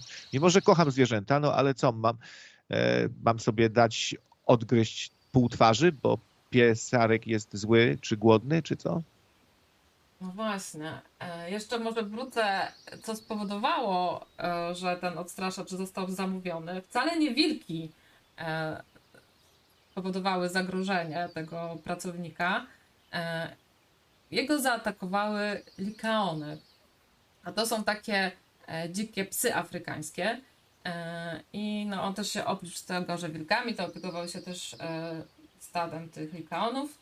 E, Okazuje się w ogóle, e, że, że nie żadne e, tygrysy, nie żadne lwy, tylko właśnie najskuteczniejszymi drapieżnikami na afrykańskiej sawannie są właśnie stada tych dzikich psów. I one są najbardziej agresywne i one wcale tam sobie nie wybierają jakiejś słabszej ofiary, tylko te, te, te, te, te dzikie, takie nakrapiane psy afrykańskie to najskuteczniejsi drapieżnicy w Afryce. A, czy mamy cię, czy mamy orła na linii? Halo, halo? Czy się słyszymy? Halo? No, Aj, teraz słychać. Słychać, czy nie? Teraz słychać. Cześć. Ten, ja zadzwoniłem, bo się oburzyłem. Krawiec, gdybyś, e, gdybyś kochał zwierzęta, to nie wziąłbyś jakiegoś małego fafika sąsiadki i nie, nie pierdolnąłbyś mimo schody, żeby go tam zajebać, wiesz? Dlatego, że kochasz zwierzęta, nie? To Nie, tak no. Nie działa. Chociaż z drugiej strony, jeżeli pies cię atakuje, a wiesz, a ta sąsiadka z tym nic nie robi, tylko kurwa pierdoli, że o, bo to pies jest, to on szczeka, to ona też go źle wychowuje. Wiesz o co chodzi? To jest wina tej baby tak naprawdę, nie tego psa. Bo normalny człowiek, wiesz, wychowuje, wychowuje psa tak, żeby on żył, wiesz, w społeczności razem z innymi ludźmi, a nie, że pierdoli, a bo to pies i co ona ma zrobić, wiesz. To jest błąd tej baby wtedy. No to, to już od razu tu prostuję, bo już się dezinformacja wkrada. Po pierwsze nie baba, tylko dziad, a No, po drugie nie, a po drugie nie, nie mały pies, tylko dosyć duży, taki średni, który spokojnie mógłby, wiesz, ci krzywdę zrobić już, nie? Więc no, No, no, ale nie, to no ja właściciela no, też jest dużo, wi- wiesz, dużo winy jest po stronie właściciela, jeżeli mówimy o zwierzętach udomowionych. No nie oszukujmy się, no. To jest, masz chujowego sąsiada po prostu. Tak, pies się bardzo często upodabnia do właściciela i no, i jak facet jest łajzą, ja go strasznie nie lubię. To jest mruk, buc i, i łajza naj, najgorsza, no to taka też suka jest, nie? Popieprzona, zwariowana i bo facet w ogóle nie wychowuje tego psa. Nie no, masz w 100% rację. Właściciel nawet prawnie, teoretycznie jest od, odpowiedzialny za swojego psa, chociaż właśnie w Polsce to bardzo różnie. Różne wyroki sądy wydają i, i, i czasem są to wyroki symboliczne, takie jakąś grzywnę 500 zł dostanie za, za to, że pies e, bardzo dotkliwie pogryzł dziecko dziecko miało operację, ma blizny na twarzy, a on dostaje 500 zł kary, tak? I pogrożenie palcem. Więc wiesz, to jest śmiech, śmiech na sali. Przecież te owczarki kaukaskie, co gość wczoraj tam, czy nie, w piątek jak dzwoniłem, nie wiem czy widziałeś, po 500 zł co gość sprzedawał, to przecież owczarki kaukaskie to są psy, które są właśnie terytorialne i one na, za najwięcej zagryzień tak naprawdę. Albo za, no może nie najwięcej, no ale w statystykach przodują, wiesz, pod względem liczby zagryzień. Jak gość mówi, że one kochają dzieci wokół takie psy, nie? A to wiesz, to też nie jest, nie można z winy zwalać na psa, bo to jest zawsze wina właściciela, no ale widzisz, ludzie są tacy, że mają to w dupie, on ci powie, o pies to jest pies, no i co, on będziesz czekał, no. No. I tyle. I to jest jego całe pojmowanie, wiesz, Ale- posiadania psa. W razie pogryzienia od razu wam powiem, że te zastrzyki przeciw wściekliźnie wcale nie są takie bolesne. Może były kiedyś bolesne, ale teraz już nie są, bo ja takie zastrzyki miałam nieprzyjemność mieć i, i nie ma tragedii. No oprócz tego, że trzeba tam e, po prostu e, do tego miejsca, gdzie te zastrzyki się robi, podjechać chyba ze dwa, trzy razy.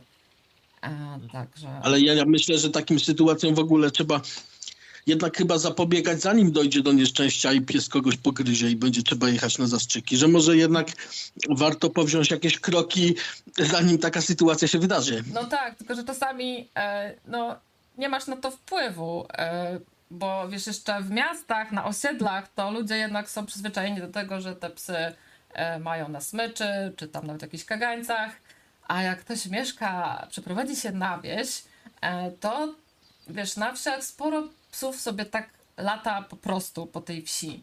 E, no i weź tak spróbuj takiego No tak, wiadomo. wiadomo. Kaszuba zmuś, żeby on tego psa tam pilnował. No, mówi, pani się cieszy, że on na łańcuchu nie jest, no bo wiesz, d- e, 20 lat temu to jeszcze te psy na łańcuchach, no to jak nie łańcuch, no to one sobie e, latają e, jak chcą.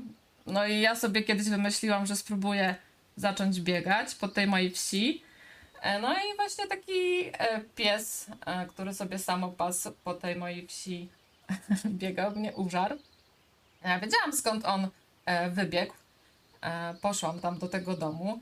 No i chciałam się tylko dowiedzieć, e, tak, czy on jest szczepiony, no bo nie uśmiechało mi się jeździć e, przez całe Trójmiasto do Gdańska na te zastrzyki, e, ani nic tam więcej po prostu załatwiać.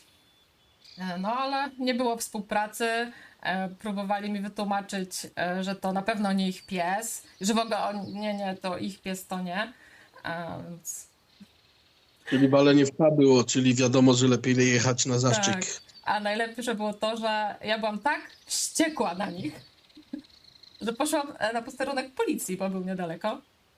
I okazało się, że właścicielem psa jest pan, e, który właśnie tydzień temu wyszedł z więzienia.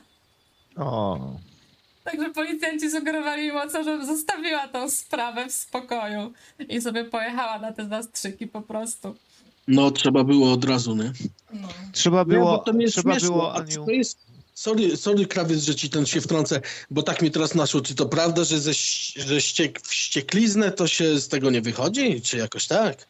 To jest to samo, co po angielsku ta choroba, ona się nazywa e, herpes, to jest to To samo. jest śmiertelna choroba, tak. Jeżeli idzie do, do A- pan, cię wścieklizna, no to, to koniec, nie ma. To jest to herpes, co oni mają w Ameryce, tam jest herpes, coś takiego i to jest drogą płciową niby przenoszone. Herpes. To jest to, czy nie? Opryszcz... O, herpes to widzę, że to jest opryszczka. To jest coś innego. No ale nie, bo to nie, jest takie coś ze wścieklizną właśnie związane, że, że jak, się, jak to dostaniesz, to niby możesz się leczyć, ale gdzieś tam jakiś tam wirus gdzieś zostanie, coś takiego, to jest to. Nie, to jest coś innego, bo e, wścieklizna, no to jest śmiertelna choroba, ale to nie jest na taki, no tam No dosłownie... mi tu właśnie jak wpisuję herpes, to mi pokazuje wścieklizna tłumaczenie na polski. Mhm. Tak, teraz sprawdzimy. No nie wiem. Czy rabies? Rabies może. No, no. Tak, rabies to wścieklizna, a, he- a Rabies, no, to przepraszam, bo opryszczka. pomyliło mi się. No, Mhm. no, no, no. Mm, Tak, a wirus opryszczki, no to cały czas, jak jesteś zarażony, no to masz cały czas i tylko tam po prostu się uaktywnia, jak masz obniżoną odporność, nie? Ale ty można się zarazić od człowieka, na, znaczy od zwierzęcia, że naprawdę człowiek będzie miał wściekliznę taką jak zwierzę? Jest to możliwe? No tak, no jak cię u- użre wściekły pies czy wściekły lis, no to No sorry, jak nie weźmiesz... Ale to co, to ja będę za- wtedy chodził i gryźć innych ludzi? Bo ja nie rozumiem wtedy, jak, o, co, o, co, o co z tym chodzi. E, Nie, nie, po prostu umrzesz. Apokalipsa zombie, jakiś taka, wiesz... Wilk, wilk kogoś ugryzł, zmutowało i nagle zombie, wiesz, i chodzą ludzie i się gryzą i się zarażają. No, Jola pisze, że jest było. 12 dni a, do zgonu, jak się ma wściekliznę. Ale wiesz, to są jakieś naprawdę jakieś e, przypadki, że ktoś miał wściekliznę i umarł. To są jakieś e, pojedyncze i to tam sprzed naprawdę lat. Także to, że, że pies, który cię ugryzie, ma wściekliznę, no to jest naprawdę minimalne, no ale z drugiej strony, no z tego się już nie wychodzi, nie? Więc już dla świętego spokoju jedziesz i robisz sobie te zastrzyki, no. Jak, No, no, dostaniesz, to jak nie- dostaniesz wścieklizny dubliński, to będziesz biegał, łapał te psy i rzucał nimi o, o skały. Toczył pianę A z tym to przede ja. I jeszcze się ma wodowstręt, się ma. Jeszcze raz Ja powiedz? z tym tematem jeszcze zrobię niespodziankę, ale chodzi o to, że. E, A dobra, a jeżeli pies ma wściekliznę, no to co? No to właściciel też musi chyba jakoś zareagować, nie? To jest jakoś chyba prawnie e, skonstruowany tak, że no właściciel chyba odpowiada za psa, czyli jeżeli pies ma wściekliznę, no to właściciel musi jechać i nawet go może uśpić musi, musieć, jak nic innego nie pomoże, co nie? Czy to, czy, czy nie ma czegoś takiego w polskim prawie? No na pewno jest. Wiesz, jest obowiązek w ogóle szczepienia psów. No ale za, wiesz, no wiadomo, że pewnie nie wszyscy właściciele psów e, pilnują tego, żeby tam chodzić do weterynarza i, szczepić te zwierzęta, ale nawet jeżeli oni tego nie robią, to jest tak mało. E, większość psów jest jednak zaszczepiona, więc jest małe prawdopodobieństwo, że ten pies, nie wiem, spotkał się z jakimś lisem, który nie wziął tej ja wiem? szczepionki. No. Jak ty mówisz, że na wiosce tam latają psy takie bezpańskie i nie wiadomo, wiesz, gdzie ten pies był, co robił, z kim sobie dupę wąchał, że tak brzydko powiem, no to taki pies może być nosicielem wszystkiego tak naprawdę, jak nad nim nie ma kontroli, wiesz o co No chodzi. tak, Nikt tak. nie sprawdza, czy on jest szczepiony, nikt nie sprawdza, czy on jest zdrowy, no to, no to tam, on, tam może być wszystko. No. Pies, e, pies od czasu do czasu zjada własne gówno albo zgniłe mięso też zepsute, bo to mu coś tam reguluje w żołądku, takie nadpsute lekko mięso, nie? No, różne dziwne rze- rzeczy, albo się liże po jajach, nie? No to, to, to, to faktycznie różne rzeczy na tych zębach mogą być, bo z tego co wiem, to psy nie szczotkują sobie zębów, tak jak my ludzie, nie? No, bakterie się przenoszą normalnie. Potem jak to przyjdzie na człowieka, może być epidemia z tego, tak jak z tego nietoperza. Chociaż, dobra, o ten, ten temat to nie będę pamiętał teraz, bo to jest kontrowersyjny temat. No ale teoretycznie mogłoby być tak, żeby wilk kogoś ugryzł, ten ktoś by nie wiedział, że jest jakaś choroba i on byłby jedynym nosicielem i tam, wiesz, epidemia by się zaczęła jak w filmach. Teoretycznie jest to możliwe. Teoretycznie tak. A Dabliński, a ty kiedy ostatnio byłeś w jakimś ogrodzie zoologicznym? O kurwa, dawno, dawno powiem ci. I co czułeś, jak No. takiego orła w takiej klatce widziałeś? Chujowo, szczerze mówiąc, bo ten orzeł nawet ma tam do 30 metrów może tą klatkę, ale to jest jednak dalej klatka i on z niej nie wyleci. Jeszcze jest, niektóre są przywiązane w ogóle za nogę tam, żeby za daleko nie polatał, bo tam siedzi tych orłów na przykład 5 czy 7, ale takich, co sobie mogą polatać. Tam do tych 30 metrów w górę to i tak jest tylko 5, bo tam młode jakieś siedzą i są przywiązane, żeby na przykład, nie może nie walczyły ze sobą albo coś. Mm. Zoo i cyrk to taka rozrywka dla plebsu troszeczkę. No ale właśnie pytanie jest, co mamy zrobić z tymi ginącymi e, gatunkami? Jak je chronić inaczej? Rezerwaty jakieś To robić. jest dobre dla dzieci, wiesz o co chodzi. Jak chcesz dziecku pokazać, o tak wygląda orzeł, no to wiadomo, że łatwiej e, zabrać dzieciaka do, do ogrodu zoologicznego niż jechać z nim na łono natury i tam gdzieś na lornetce, wiesz, spróbować może jakbyś miał farta, to zobaczyć gdzieś na lornetce orła, nie? To jest wygodniejsze, ale z drugiej strony te zwierzaki tam cierpią, kurwa, no.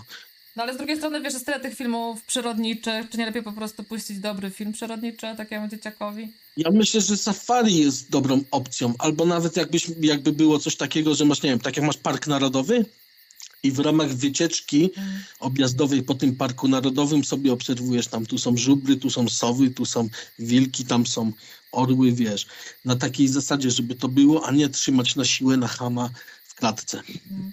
Czyli od, od, od nas jakby to zależało, to byśmy zlikwidowali te ogrody zoologiczne.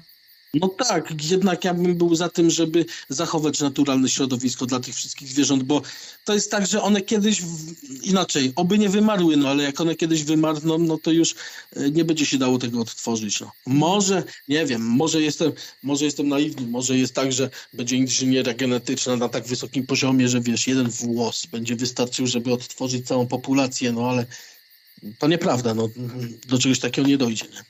Dlatego trzeba, trzeba, trzeba, wiecie o co chodzi, o to zadbać, póki to jeszcze jest, zanim będzie za późno. No.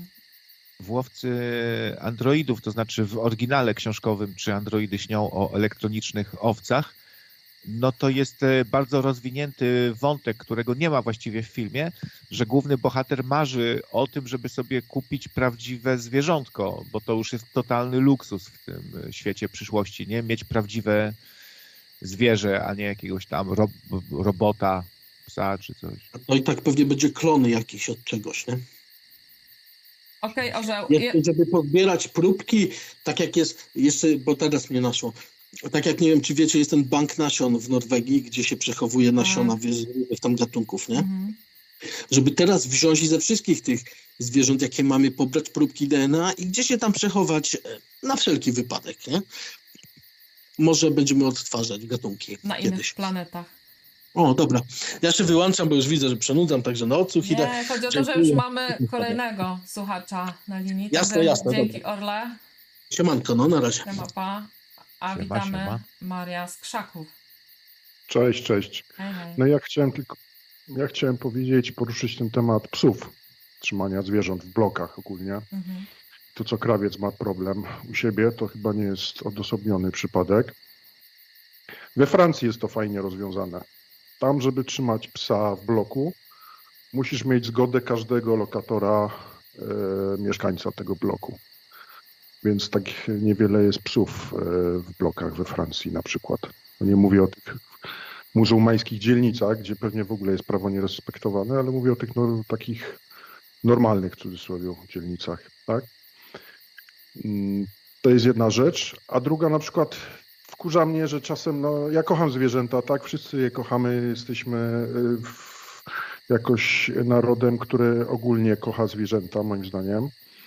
E, natomiast y, no wkurza mnie, kiedy zwierzę potrafi steroryzować, tak? Człowieka, w sensie nic nie można na to poradzić, bo to jest, bo zwierzątko, bo ono tak ma, bo to taka jego natura i tak dalej, nie? Ale w Zmierzam do konkretnych sytuacjach mówisz z psami związanych? Tak, no, tak, tak. Miałem nawet sam w bloku taką sytuację, że pies e, no, wył przez kilka dni z rzędu, nie było właścicieli, no i straż nie mogła wejść, nikt, nikt nie mógł wejść, nikt nie mógł nic zrobić praktycznie. E, Ale czekaj, No i to powiedzieć, było- że oni zostawili na kilka dni psa zamkniętego w domu? Tak, bo wyjechali na święta niby na dwa dni. To było. Jakoś tam właściciel do, doszedł tak, do tych ludzi, no i przyjechali, tak? Tylko jak można zostawić psa na, A- Widzieliś tam, wodę mu dali, jedzenie, no ale bez jaj, tak? On skrobał pazurami drzwi i w ogóle no wszyscy sąsiedzi się zlecieli, bo to był taki okres świąteczny. Piękne Każdy święta. No i a ten pies, no to nie jest jego wina, tak, że miał popieprzonych właścicieli, którzy go, zosta- go zostawili. No ale w takie wycie może być nie do wytrzymania. Mhm. A jeszcze jest jed- jedna rzecz, tylko chciałem powiedzieć, sprawa gołębi na przykład. Jak y, też nie można na przykład y, gołębia, nie wiem, y, z wiatrówki strzelać. Nawet ja mówię na te plastikowe kuleczki ASG, które mu nie zrobią krzywdy, a odleci, bo też można za to mieć bardzo duże problemy i zostać skazanym za znęcanie się nad zwierzętami. A kto na przykład się zajmie osobami, które się zarażą od takich gołębi, bo gołąb, jeśli jak wiemy, potrafi, to jest biologiczna bomba. On 60 różnych chorób potrafi przenieść od zwierzęcych na człowieka. No i kto się tym zajmuje? Nikt. Mhm.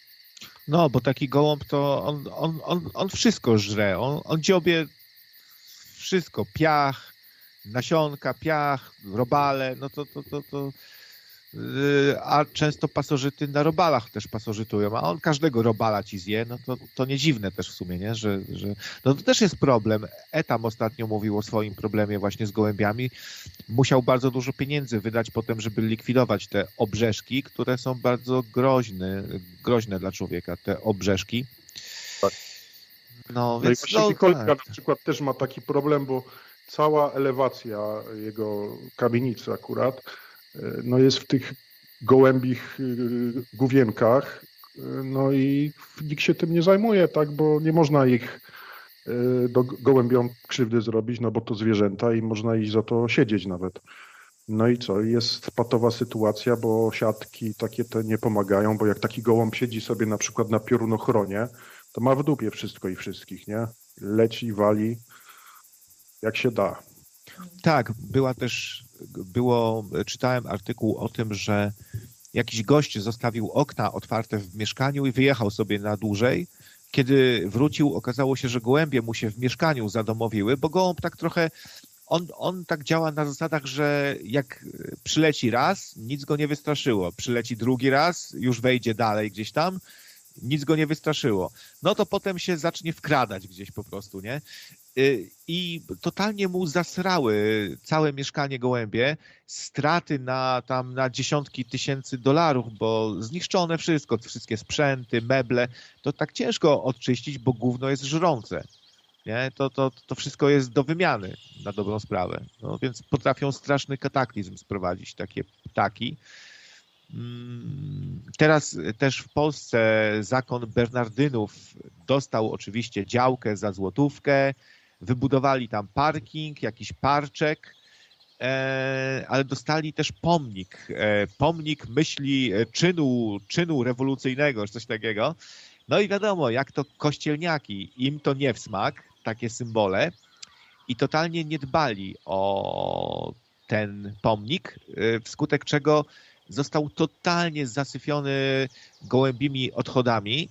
E, smród straszliwy, te fekalia, cały w fekaliach i w końcu musieli jacyś działacze po prostu to w czynie społecznym odczyścić, bo ci się zawzięli i powiedzieli, że tego nie wyczyszczą, bo to jest e, marksizm i komunizm i oni tego nie będą w ogóle nawet dotykać. E, co ciekawe, tak szli w zaparte i takie były mściwusy, trochę jak pies ogrodnika, tak można sparafrazować, że sam nie wyczyści i innemu wyczyścić nie, nie da, bo te klechy też nie, nie chciały przekazać z powrotem tego pomnika miastu, że, bo, bo miasto mówi, no to już my wyczyścimy, tylko go przekażcie. Nie. Takie są klechy właśnie. Ale, Najgorsze pasożyty, Mm. pasożyty go, gorsze od obrzeszków. Ale ta historia Maria z, z bloku o tym psie przestawionym na święta, a przecież pies to jest taki członek rodziny, dla takiego psa e, to, że ta, ci ludzie zamknęli go w domu, no to on sobie tam pewnie wyobrażał, że nie wiem, oni umarli, zostawili go na zawsze. E, no, nie mieści mi się to w głowie, a fakt faktem jest, że jest jakaś, teraz jest w ogóle mm, straszna moda w ogóle na posiadanie psów, ale to już nie na psy w ogóle, tylko na konkretne rasy. E, I na przykład e, mega popularna jest taka rasa bulldog francuski. E, I już pomijając to, czy się komuś podoba ten, ta, ta rasa, czy nie, ale ona jest tak zmodyfikowana, słuchajcie, że samica tego psa na przykład nie jest w stanie urodzić naturalnie, tylko przez cesarskie cięcie. Mają bardzo wyłupiaste oczy, przez co notorycznie chorują e, i mają problemy z tymi oczami. I w ogóle mają dużo, jak to wiadomo, jak te psy e, rasowe mają dużo różnych problemów zdrowotnych. E, No i to jest kolejna kwestia, prawda, że wiecie, mamy schroniska pełne bezdomnych psów, a, a tutaj się prześcigamy, kto sobie kupi bardziej, znaczy nie wiem, czy bardziej rasowego pieska, ale jakąś droższą, droższą rasę. E, I, I dla mnie to jest po prostu w większości przypadków jakiś tam znowu kolejny kaprys, e, tak, tak jak sobie kupujemy, nie wiem, e, jakieś droższe samochody, lepsze, to tak samo tutaj z tymi zwierzętami, często one są traktowane tak czysto właśnie instrumentalnie, nie? No jest taka rasa psów, no wypisz, wymaluj jak bulldog francuski. Po, pomóżcie mi, jak ona się nazywa. Też no, wygląda identycznie jak ona. Okej. Kojarzycie? Ale też taki mały czy większy? Klęsłym noskiem, on y, tak Mops? strasznie... E, To, mo, to może Mops. mops. Mops. I też właśnie była taka moda na mopsy i w Anglii, jeśli się nie mylę, już y, zakazano jego, ich posiadania albo w, albo w Anglii, albo w jakimś innym kraju, ponieważ weterynarze y, no, narzekali, że notorycznie te psy są porzucane przez to, jak one są chorowite, tak? Ludzie je kupują pod wpływem emocji, że jest taki fajny, że jest modny, że sobie zrobią pewnie zdjęcie na serwisy społecznościowe z nim, a później jak się okazuje, że one są bardzo chorowite, wymagają strasznych nakładów finansowych i pielęgnacyjnych i czasu, no to je porzucają. Mhm. No właśnie ze strony weterynarzy e, byłoby takie oczekiwanie, nie? że oni coś e, tutaj zadziałają, ale z drugiej strony, e, jeżeli chodzi o ich interes, to jest, to im graj w sumie, nie? Że ludzie kupują sobie takie rasy, z którymi non-stop trzeba chodzić na jakieś zabiegi. Więc oni są w takim trochę konflikcie, myślę. Boksery są fajne. No miałem jakiś boksera, nazywał się Boss. No i e, potwierdziło się to, że taki bokser jest bardzo dobry, e, ma dobry stosunek do dzieci, tak? Bo on był bardzo za mną, nigdy mnie nie ugryzł, przynajmniej niesprowokowany. Znaczy raz go, jak był chory, coś miał z brzuchem, go kopnąłem. E, no i mam, mam bliznę na twarzy od, od ugryzienia. E, no, ale to był przemiły, przemiły pies. Y, Do ludzi w ogóle super nastawiony, ba- bardzo lubił ludzi, przyja- taki przyjacielski. No problem jest taki, że bokser ma y, bardzo silny ścisk szczęki, więc jak już się wkurzy i ugryzie, no to wam odgryzie nosa, rękę, nogę, ręka, noga, mózg na ścianie, bo to jest taki morderca trochę, ale przyjazny morderca, no tak można powiedzieć. Tylko też, no, dzisiaj też inaczej patrzę trochę na to, co z tym moim ojcem to tak dziwnie było, bo niby strasznie kochał te zwierzęta, ale e, no i, i lubił to zoo właśnie, jakoś go to nie marszczyło, jakoś się nie przejmował tym zoo, że coś tam jest nie tak. E, temu bossowi to on miał ucięty o, ogon, bo skraca się ogony bokserów, żeby miały takie fajne, króciutkie, tak? E, I przystrzyga się uszy też, to też jest dosyć bolesny chyba zabieg, że potem te uszy tak stoją do góry. No i faktycznie taki bokser, który ma stojące te uszy i krótki ogonek, no wygląda dużo fajniej, no ale ja bym czegoś takiego nie zrobił na przykład psu, nie? Żeby tylko fajniej wyglądał, to mu ob, obcinać mu ogon w związku z tym, no nie wiem. Ja mam takie pytanie, bo przepraszam cię, straciłem wątek y, w pewnym momencie. Mm, Ten, skąd ty masz tą bliznę na twarzy? On cię dziabnął? Tak, dziabnął mnie, bo, bo potrąciłem go nogą w bolący brzuch i on tak nie, nie, nie tyle mnie ugryzł, co tak się odwinął po prostu i, i, i zahaczył mnie zębem po twarzy, nie? Po prostu, A no tak ty z bólu. lat wtedy? Małym chłopaczkiem byłem. No, e, rodzice się wystraszyli strasznie, no bo to zakrwawiona twarz, nie wiadomo czy oko całe, czy nie, nie, na szczęście całe. E, taka nieduża blizna, Ale- ale, no, Do tej pory? Twoi, twoi rodzice mieli e, e, tego pieska przed tobą, czy najpierw ty byłeś, że tak powiem? najpierw ja byłem. Aha, aha. Czyli Ale on tobą był, wychowywał. e, tak, razem ze mną się w sumie wychowywał, bo gdzieś tam szybko się pojawił i od maluszka, nie? Od maluszka był z nami, umarł ze, ze, e, ze starości, spokojnie, ale fajny był pies, super, był bardzo do ludzi dobrze nastawiony, ale nienawidził z kolei strasznie psów. Przez większość życia, jak widział tylko psa, się rzucał na, na wszystkie psy i to nawet na małe takie. Potrafił małego złapać i trząchać nim jak szmatą po prostu, tak, na, na wszystkie strony, aż pchły fruwały. E, no więc psów nienawidził. On chyba myślał, że jest człowiekiem, nie wiem. No, tą bliznę masz jeszcze widoczną do tej pory?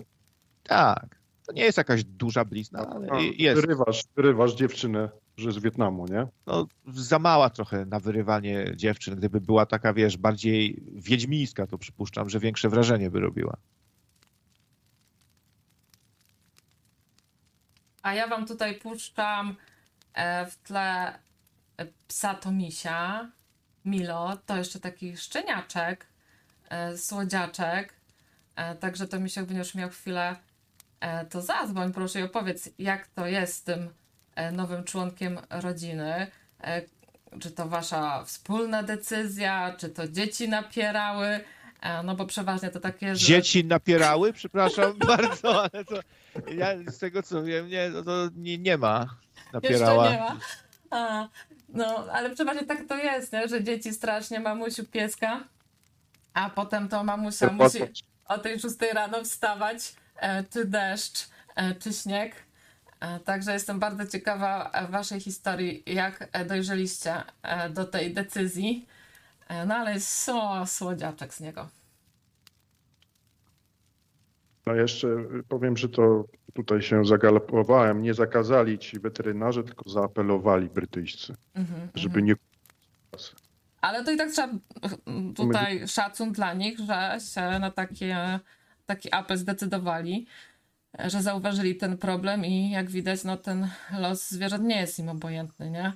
E, nawet mówię, od, odejmując sobie te zyski, które gdyby ewentualnie ludzie wzięli do siebie ten apel, e, którzy, e, nie, że ludzie by zmniejszyli liczbę tych psów takich właśnie problematycznych, chorowitych. No, to jest taka nieodpowiedzialność ze strony ludzi jednak, zapewne tych młodszych, bo, no, bo to jest decyzja bardzo z wieloma konsekwencjami się wiąże i pies to nie jest zabawka. W sensie nie powinno to tak jakbyś miała dziecko i je oddała do domu dziecka. E, Ja tak patrzę. Tak, ale ja zawsze często powtarzam, że poniekąd, jak na to spojrzeć, tak wiesz, um, czysto, czasami e, no, bez emocji, to e, pies jest, może być nawet większym zobowiązaniem niż dziecko, tak? No bo e, wiesz, dziecko idzie do przedszkola, idzie do szkoły, idzie potem do pracy, wyprowadza się. I, I przychodzi taki moment, że z tego 100% Twojego zaangażowania dzieci już nie potrzebują tak Twojego czasu i nawet się cieszą, jak dasz im spokój, a pies cały czas potrzebuje Cię. E, Cały czas chce być z Tobą, nigdzie się nie wyprowadzi, nigdzie się nie wybiera. E, e, wiesz, właśnie na wakacje e, sobie też możesz dzieci oddać tam e, do babci, na przykład jak e, już na przykład, nie wiem, chcesz, nie wiem, tylko z małżonką gdzieś pojechać, ale teraz pytanie, czy twojego psa ktoś weźmie, no mówię, biorąc psa musisz też sobie e, ogarnąć, e, kto, jeżeli ty musisz wyjechać, e, kto się tym psem zaopiekuje, nie? E, No bo też oddawanie takiegoś hotelu dla psów, no to e, też dla takiego psa to może być po prostu horror, e, że go gdzieś tam w jakiejś boksie go zamkną, nie daj Boże jeszcze z jakimiś psami, które mu nie, po, nie przypadną do gustu. E, także, no mówię, pies, zobowiązanie na takie 20 lat i to non-stop, dzień w dzień.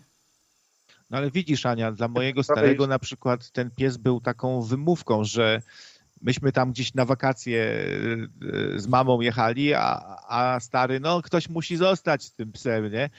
No i, i imprezy były i, i, i wszystko i miał tak, no dla faceta może to być taka wymówka wa- właśnie, żeby sobie odpocząć od rodziny, co, co, co, co, co facetowi jest potrzebne może od czasu do czasu No. też, bo, nie, bo niektórzy faceci źle znoszą rodzinę, no, dbają o, o nią, opiekują się, są w tej ro, rodzinie cały czas, ale po prostu bardziej, o wiele bardziej to faceta jakby wyczerpuje, męczy niż kobietę, która jest częściej chyba jakoś usposobiona po prostu, żeby tym dzieckiem się zajmować. Nie sprawia jej to aż takiej no wiadomo, że różnie to bywa, ale no wiadomo, tak statystycznie, nie? Więc y, dla faceta to taka wymówka może czasami, No, żeby... powiem ci, że teraz jest dużo ciężej, bo jest sporo jednak miejsc, gdzie z tymi psami można teraz przyjechać. E, Ale no wiadomo, że sobie planujesz jakieś, nie wiem, górskie wycieczki, tak? Albo e, jakieś takie, no nie wiem, plażowanie, no to też nie jest dobry pomysł e, brać psa na plażę, gdzie tam masz 30 parę stopni. E, I żeby jeszcze strał na, na tej plaży albo ob, obsikał parawan komuś, nie? No, no już pomijam, że na, e, są psie plaże, gdzie można sobie przyjść z psem, no ale na większości plaż to e, raczej jest zakaz przychodzenia z psem, nie? Także e, Mój pies kiedyś obsikał dziecko w piaskownicy. Ja patrzę, a on tak leje na, ma, na małe dziecko, takie siedzące se w rogu w piaskownicy. O, ładny deszcz, złoty deszczyk. E, No dobra, Mario, słuchaj, e, coś byś chciał o tych e, takich wyjątkowych projektach e, związanymi z dzikimi zwierzętami, e, na przykład właśnie o tym spotkaniu z wilkiem oko w oko. E, jak ty to widzisz, takie atrakcje? Znaczy, nie jestem w temacie za bardzo, więc Okej. bo tutaj się na was puściłem. Dzięki za rozmowę, ja się rozłączam. Miłego wieczoru życzę. Trzymajcie Dzięki, się. dzięki, do usłyszenia. Dzięki, na razie, hej. Przybył Furiat z dobrą nowiną, że nasze siatkarki dostały się e, do Igrzysk Olimpijskich. Mm, Tak właśnie liczyłam na ciebie, Furiat, że ty na pewno będziesz oglądał. E, Ja nie muszę, E, no ale na pewno to było super widowisko. Także jakbyś chciał zadzwonić i opowiedzieć, jak tam meczyk, to, to też możesz w tym, w tym temacie jak najbardziej. No dobra, słuchajcie, ja tutaj może temat tego e, dobrego wilka powoli zakończę. E, jeszcze tutaj jakiś taki graficzny akcent, skoro e, jest z nami krawiec. Chcę Ci pokazać dwie okładki, tą do polskiego wydania, jak ona wygląda. Powiedz mi, czy już widzisz.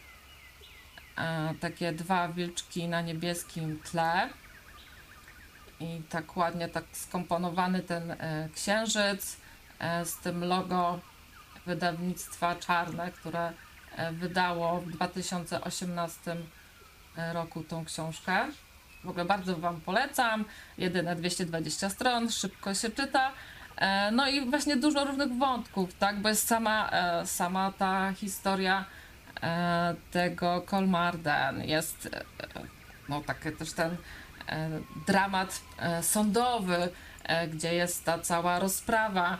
E, No tutaj też e, do obrony e, tych przedstawicieli tego zoo zostali zaangażowani e, tacy adwokaci celebryci. E, Jeden to brał udział w jakimś e, show, e, reality show w Szwecji e, o nazwie właśnie adwokaci, a drugi to był ten, słuchajcie, który e, Juliana Assange'a bronił. Także e, jako, że e, no, ten park e, był narażony na milionowe tutaj straty grzywny w związku z tym wypadkiem, no to, to tutaj takie gwiazdy adwokackie zostały w to zaangażowane. No mam tutaj Widzisz to? e, o, okładkę numer jeden, bo no te, te okładki widziałem, one faktycznie się różnią. Tu mamy okładkę, na której wilki e, są nie są agresywne, nie szczerzą zębów, właśnie są, wyglądają na neutralne albo nawet przyjazne, bo takie mają jakieś rozkoszne te minki. No a na drugiej okładce jest bardzo taki zły, wściekły wilk szczerzący zęby, nie? Tak, tak. I tytuł też jest inny, nie? Zupełnie. E, Warg Attacker, czyli tam atak wil, e, wilka. E, No ale to chyba chodziło o to, że w Szwecji by wszyscy wiedzieli o co chodzi, nie? I może, może stąd ta różnica. E, Tak, może ten polski wydawca nie chciał e, odstraszać. E, Nie wiem, ciężko mi powiedzieć skąd aż, no to po prostu zupełnie na różnych biegunach te, te okładki. Dużo lepsza typografia, kompozycja, ogólnie projekt okładki lep, lepszy w tej szwedzkiej wersji. Zdecydowanie.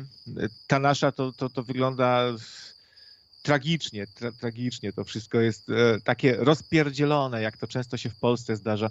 Często mówimy o, o polskiej typografii, o szkole plakatu, ale to są może dawniejsze trochę czasy. Dzisiaj często się popełnia takie szkolne wręcz błędy. I po prostu taki rozpiździel, że tak brzydko powiem, jest na, na, na tych polskich okładkach. Nie potrafią li, liter układać Polacy za bardzo. A to jest jeszcze nic, słuchajcie. E, jeszcze bardziej zniesmaczony będziesz e, przy tej drugiej książce, o której chciałam tak e, krótko wspomnieć. E, Bo tak jak wam mówiłam, i sobie dobrego wilka przeczytałam, i złego wilka, a zły wilk to jest po prostu e, kryminał autorstwa Nele Neuhaus, e, takiej niemieckiej pisarki, autorki takiej serii kryminałów. I właśnie na przykładzie e, tej książki e, chciałam Ci pokazać, jak wygląda polska okładka. E, powiedz, czy widzisz to? Zły To się z opóźnieniem. Tak, tak, pojawi. tak. E, Tutaj taka zajawka e, tego kryminału to brutalność i bestialstwo ukryte za fasadą przyzwoitości. E, Nie wiem, czy po tej okładce możecie się zorientować, o czym ta historia.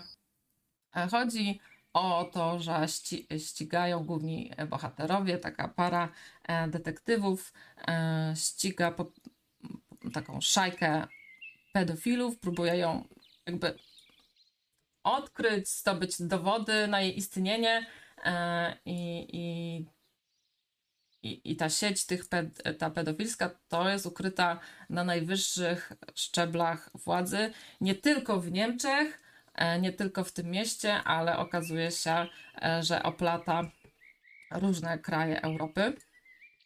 Nie jest to prawdziwa historia, ale jest ona e, trochę osnuta e, na prawdziwych doniesieniach z prasy e, i innych książek, takich spowiedzi ofiar e, pedofilii, więc e, bardzo dobrze się czyta ten kryminał. No, mówię, trochę tak napisane, jak te niektóre Netflixowe seriale są robione. No, ona, mimo że prawie 600 stron, to ją szybciej przeczytałam niż tego Dobrego Wilka, bo właśnie ciężko się było od niej ode- oderwać. I tak prezentuje się ta polska okładka. Krawiec, widzisz ją? Tak, tak. Wiesz co, kiepska jest, kiepska. A jest, jest okropna. adwokat, adwokat na pewno znów powie, że atak na Polskę, co, co mi tu przed chwilą zarzucił i że jemu jakoś się podoba ta Polska, ta poprzednia.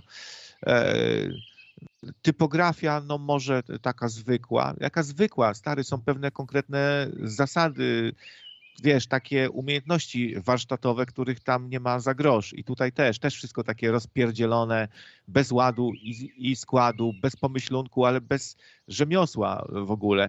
W ogóle myślałem, że nie wiedziałem, że to jest huśtawka na początku nawet, bo zdjęcie też tragiczne. O ile na tej pierwszej polskiej okładce przynajmniej zdjęcie było Mm. w miarę w miarę, tylko reszta do bani, a tutaj to jest wszystko do, do bani. W ogóle za, przez chwilę myślałem, że to słuchawka jakaś od telefonu, czy, czy co to jest. E, A najlepsze jest też, że to oko na tym napisie wilk. no, no, takie E, złe, złe oko jeszcze. Pan, panie, pan jeszcze dorzuć jakieś złe oko tutaj, no. Żeby to się, to się musi sprzedać. Złe oko daj pan. No, nie, Ale nie Błażej lubię potwierdza, że to jest niemiecka, e, niemiecka huśtawka, bo on ma taką samą w ogródku. Czyli e, dobrze, bo to się w Niemczech dzieje, ta cała historia, czyli tak, tak w Niemczech te huśtawki wyglądają, czyli to jest autentyczna huśtawka. E, jeszcze na obronę tej pierwszej okładki e, Dobrego Wilka mam to, że to jest wydane w serii, a te serie, e, no nie tylko w, tych, w tych wydawnictwach, one muszą być takie trochę jednorodne i, i może, może stąd e, ta okładka taka słabsza i wtedy ten grafik tak za bardzo e, nie może sobie poszaleć, e, jak to te wszystkie okładki tej serii muszą być spójne.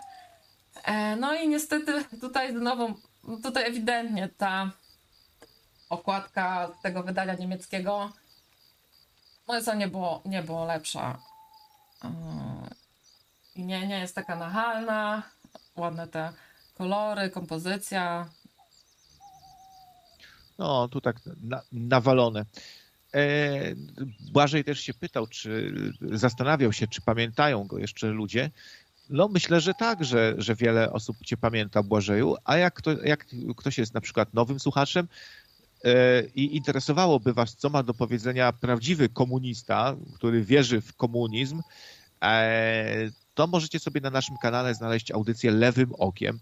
I Błażej tam nie, nie tylko o komunizmie mówi, ale ze swoim takim e, komunistycznym lekko zacięciem opowiada o różnych innych krajach, o, o podróżach i o różnych rzeczach. Tak więc e, polecam lewym okiem sobie znaleźć. No, ja Boże, ja bardzo dobrze pamiętam, bo ja na początku tylko lewym okiem słuchałam, dopiero w jakieś pół roku się zorientowałam, że w nocnym radiu coś innego gra.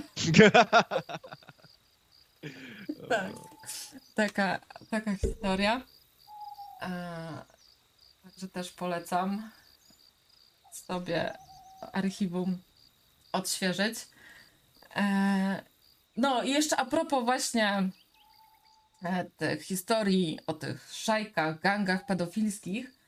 E, no, wiecie, wy tam na tym Śląsku sobie żyjecie waszą seksaferką, a tu bardziej na, na północy, co prawda nie na Kaszubach, ale bardziej Warmia, Mazury, e, mamy inną swoją e, aferę, skandal.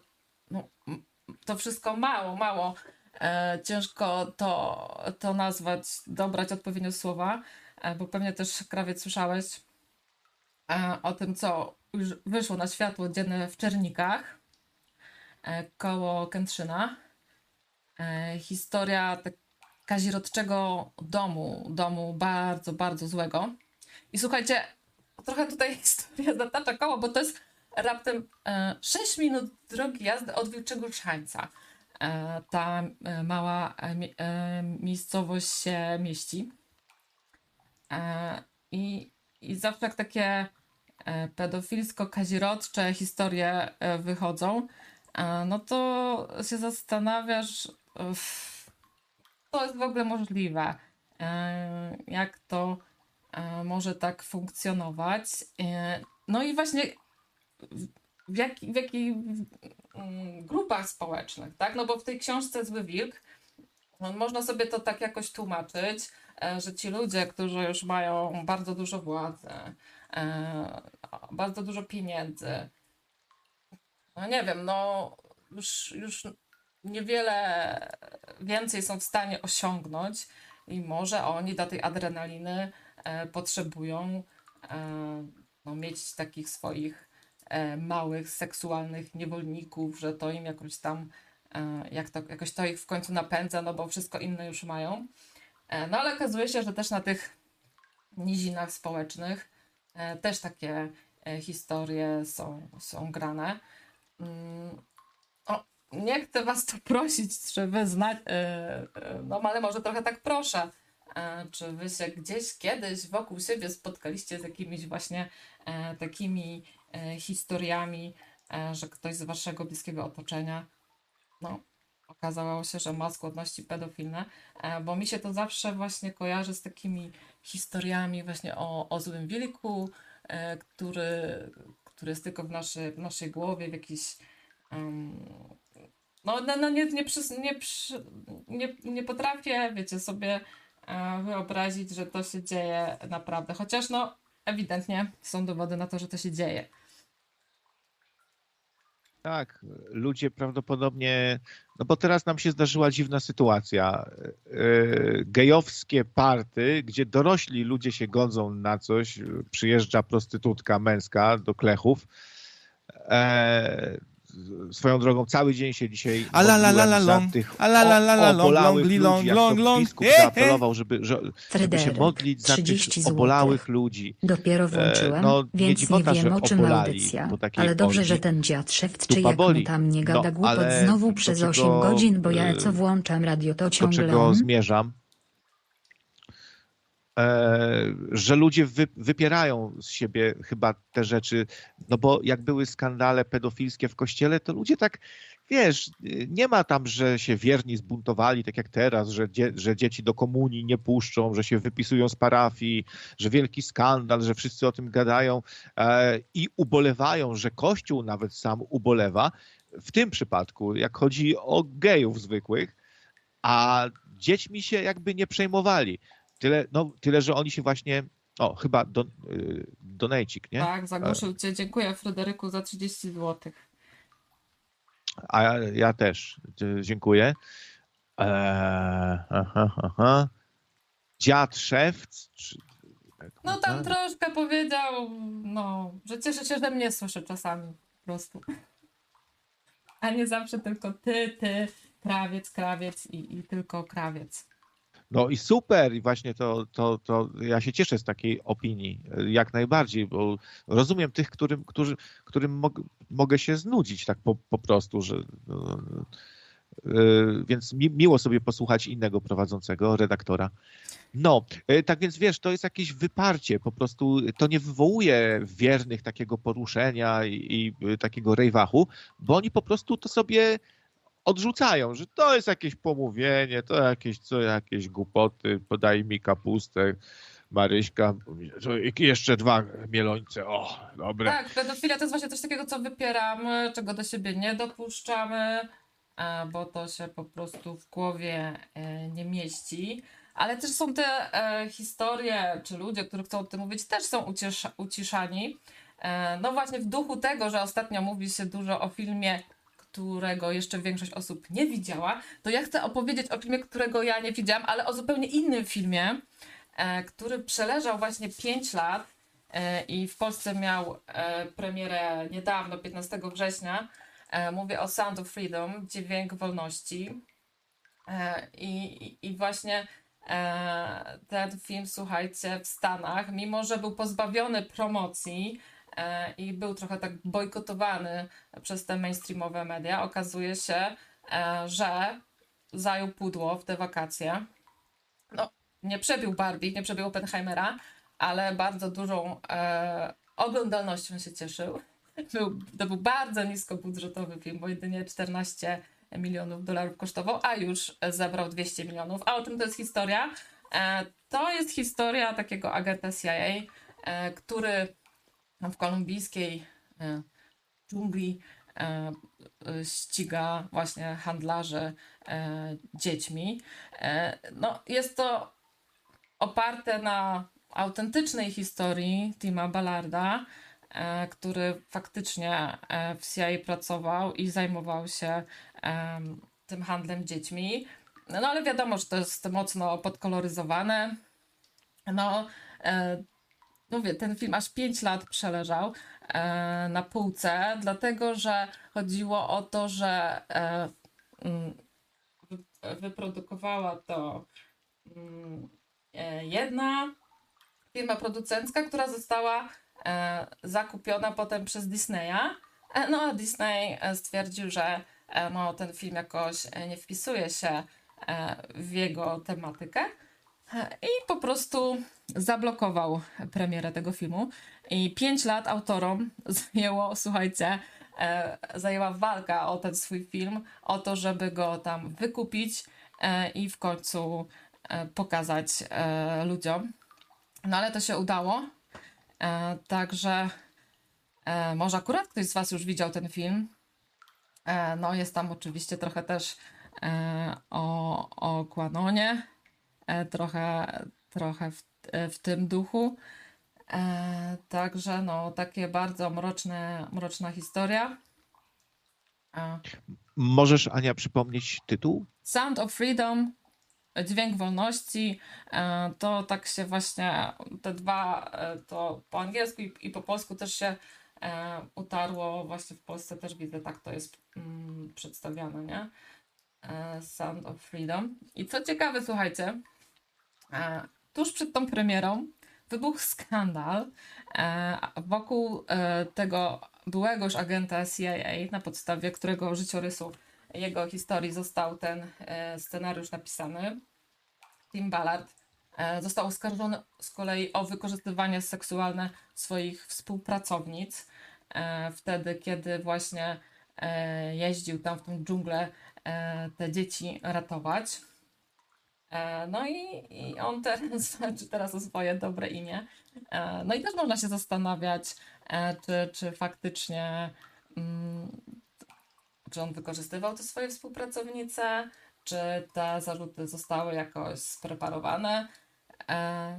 No tak, to jest bardzo powszechne, nie? że się takie właśnie seks afery rozkręca w odpowiednim momencie. E, Tam niby chodziło o to, że on e, kupował sobie jakieś bardzo atrakcyjne e, kobiety na współpracownice, które były bardzo zaangażowane e, właśnie w pomaganie tym dzieciom, e, które były porywane do sex workingu. E, No i on im taką historię wkręcał, że wiesz, że my tu musimy udawać małżeństwo, e, więc musimy być w jednym pokoju, w jednym łóżku. E, No i na tym się podobno e, nie kończyło. I siedem pań e, tak s- wytoczyło zarzuty e, Timowi Ballardowi e, tuż przed premierą. E, No ale mimo, mi- mimo tego skandalu e, film był wyświetlany w kinach, zdobył bardzo, mówię tutaj, dużą popularność i, i mówi się, że w Stanach e, to właściwie taka oddolna inicjatywa ludzi, że oni tak promo, promowali ten film. E, No, także zachęcam. Co prawda jeszcze tak jak mówię, nie widziałam tego filmu, ale skoro inni opowiadają o, w takiej liczbie o filmie, którym nie widzieli, którego nie widzieli, to dzisiaj wyjątkowo e, ja też, e, też Was zachęcam do obejrzenia filmu, którego jeszcze nie widziałam. No ale już tam jakieś recenzje Raczka e, słyszałam i, e, i innych, więc e, myślę, że sam fakt przekonać się, co tam w tym filmie takiego jest, e, że 5 lat musiał leżeć i nikt go nie chciał promować. E, To, to może być ciekawe. To też mogło być jakieś działanie, y, zarówno oskarżenie autora, o, że on też seksualnie wykorzystywał, y, to mogła być zemsta, no bo za handlem ludźmi, który jest y, dużym problemem, nadal bardzo dużym, takim bagatelizowanym problemem, stoją y, gangi, źli ludzie zorganizowani, którzy no e, właśnie no jest duże prawdopodobieństwo, że się będą mścili, nie? że będą chcieli kogoś też umoczyć, a to też jest taka popularna praktyka u różnych zwyroli, żeby wmieszać w swoją ofiarę, czy kogoś, kto nam przeszkadza w to, co my robimy jakby, na, w tym przypadku niekoniecznie w to samo, ale pokrewne coś, wykorzystywanie seksualne, Tak. nie? E, więc to też takie jest typowe. Mogłoby tak być. Mm, no Błażej e, słusznie się doczepia, że do tego e, sformułowania sex working. Tak, ja się zgadzam, że to nie jest mm, fortunne sformułowanie, bo trochę nas się właśnie oswaja z tym, że e, seks to też może być praca, nie? A to jest bardzo e, niepokojący trend. A nie może? A nie może to być praca według ciebie? e, no, myślę, że nie. Czemu? No bo w momencie, kiedy my tak oficjalnie powiemy, że prostytucja to jest praca jak każda inna, czemu tutaj tego nie opodatkować e, i nie stworzyć tam odpowiedniej, nie wiem, infrastruktury do tego, tak? E, To powiedz, jakie potem mojej córce na przykład e, będę ją w stanie przekonać, żeby, żeby może jednak nie szła tą drogą, tylko e, zajęła się czymś innym. No wiesz, no jak to, to tak czy owak będzie, bo nawet się mówi najstarszy zawód świata Dobrze, ja zawsze nie, to było. ja- I, i, I mhm. wiesz, a córeczkę, no to wychowasz, jak ją dobrze wychowasz, to się nie będzie chyba garnęła do takiej pracy, ta- tak po prostu. A y, no bo jak no, sex worker, może, no to, to jest no, dla mnie też trochę taka dziwnostka, no ale my mamy takie, y, no a jak mówić, y, dziwka, prostytutka, męska prostytutka. Prostytutka w sumie takie neutralne dosyć słowo też, nie? Y, Prostytutka. No można jeszcze mówić córy Koryntu. E, No wiesz, prostytutka kojarzy się trochę pejoratywnie i ja nie chcę tym kobietom oczywiście uwłaczać ani nic, ale może to tak jest lepiej, że to się trochę pejoratywnie e, kojarzy, bo to od, odstręcza trochę od, tej, od, od takiej ścieżki kariery, powiedzmy. A jak my kogoś nazywamy pracownicą seksualną, no pracownica to mi się z fabryką kojarzy, tak? wiesz, od języka się zaczyna. Językiem się oswaja pewne e, procesy, pewne zmiany. Ja nie, nie jestem naiwna i ja nie, nie, nie wierzę w to, że jest możliwy świat bez prostytucji i czy tam jestem za zdelegalizowaniem prostytucji, czy coś takiego. W Polsce jak najbardziej prostytucja jest legalna i kto ma ochotę, e, może to robić. ale no mówię, e, nie, nie szłabym tą drogą, żeby przyrównywać to e, do innych zawodów. W sumie to, no, można też na to tak patrzeć. No, ale w zasadzie często e, ten fach, ten zawód, jakby nie było, e, przybiera taką formę bardziej zorganizowaną, jakby upaństwowioną, bo są jacyś tacy pracownicy socjalni, seksualni, którzy przychodzą na przykład do jakichś tam niepełnosprawnych. W niektórych krajach, nie? To jest tak Mhm. zorganizowane, że po prostu ding-dong i przychodzi przysłana przez urząd osoba zajmująca się zadowalaniem i i cię zadowala. Mhm. A to są jakieś wyjątkowe pewnie, wiesz, sytuacje, chociaż może, tak jak mówisz, może gdzieś tam w Skandynawii powszechne, no wiesz, nikt, to nie jest tak, że wszyscy muszą seks uprawiać, no wiesz, w dzisiejszym świecie takich zaawansowanych technologii, e, to myślę, że sobie e, możemy to inaczej e, załatwić, a jako idealiści to powinniśmy dążyć do tego, że każdy miłość powinien mieć dlatego, że ktoś go po prostu kocha, no i tyle. E, No i nie wspierałabym e, takich dążeń do tego, że e, tutaj no, w pełni legalizujemy prostytucję i, i, i- promujemy to jako równorzędną ścieżkę zawodową. A najlepszym dowodem chyba na to, że to jest kiepski pomysł, że większość kobiet, które latami w tym tkwi, to naprawdę gro z nich ma z tego powodu później e, wielkie problemy psychiczne e, ze sobą, tak? One nie są jakoś e, w- większości mega zadowolone z tego, jak ich życie wygląda. Oj tam, oj tam, jak jest dobry Alfons, to... to ja, ja bym zrobił sz, szkolenie Alfonsów, żeby byli bardziej opiekuńczy. Nie no, tak się wygłupiam trochę. Ale, ale ty powiedziałaś wcześniej, że, że miłość, miło, ale co to ma wspólnego? No seks i miłość to w sumie niekoniecznie to samo. No, nie? E, no, Musi, musi być... no tak, to fakt, o tym nie pomyślałam. No, jak, nie no bo, to, no bo jak ktoś idzie do prostytutki, to chyba nie po miłość, tylko raczej po seks, nie? Um, Ja, ja nie wiem, się nie znam. ja nie wiem, no też dawno nie byłam żadnej prostytutki, więc nie wiem. A u prostytuta jakiegoś? Jak ci, jak ci księża ostatnio? Nie, nie zamawiasz sobie? No ale są to jakieś e, braki, tak? E, no bo nawet jeżeli, tak jak mówisz, załóżmy, że masz żonę, którą kochasz, no ale idziesz po seks do prostytutki, mm, no to jesteście jacyś niedobrani, tak? No nie wiem. Nie no, to jest nie w porządku, to już to wiadomo, nie?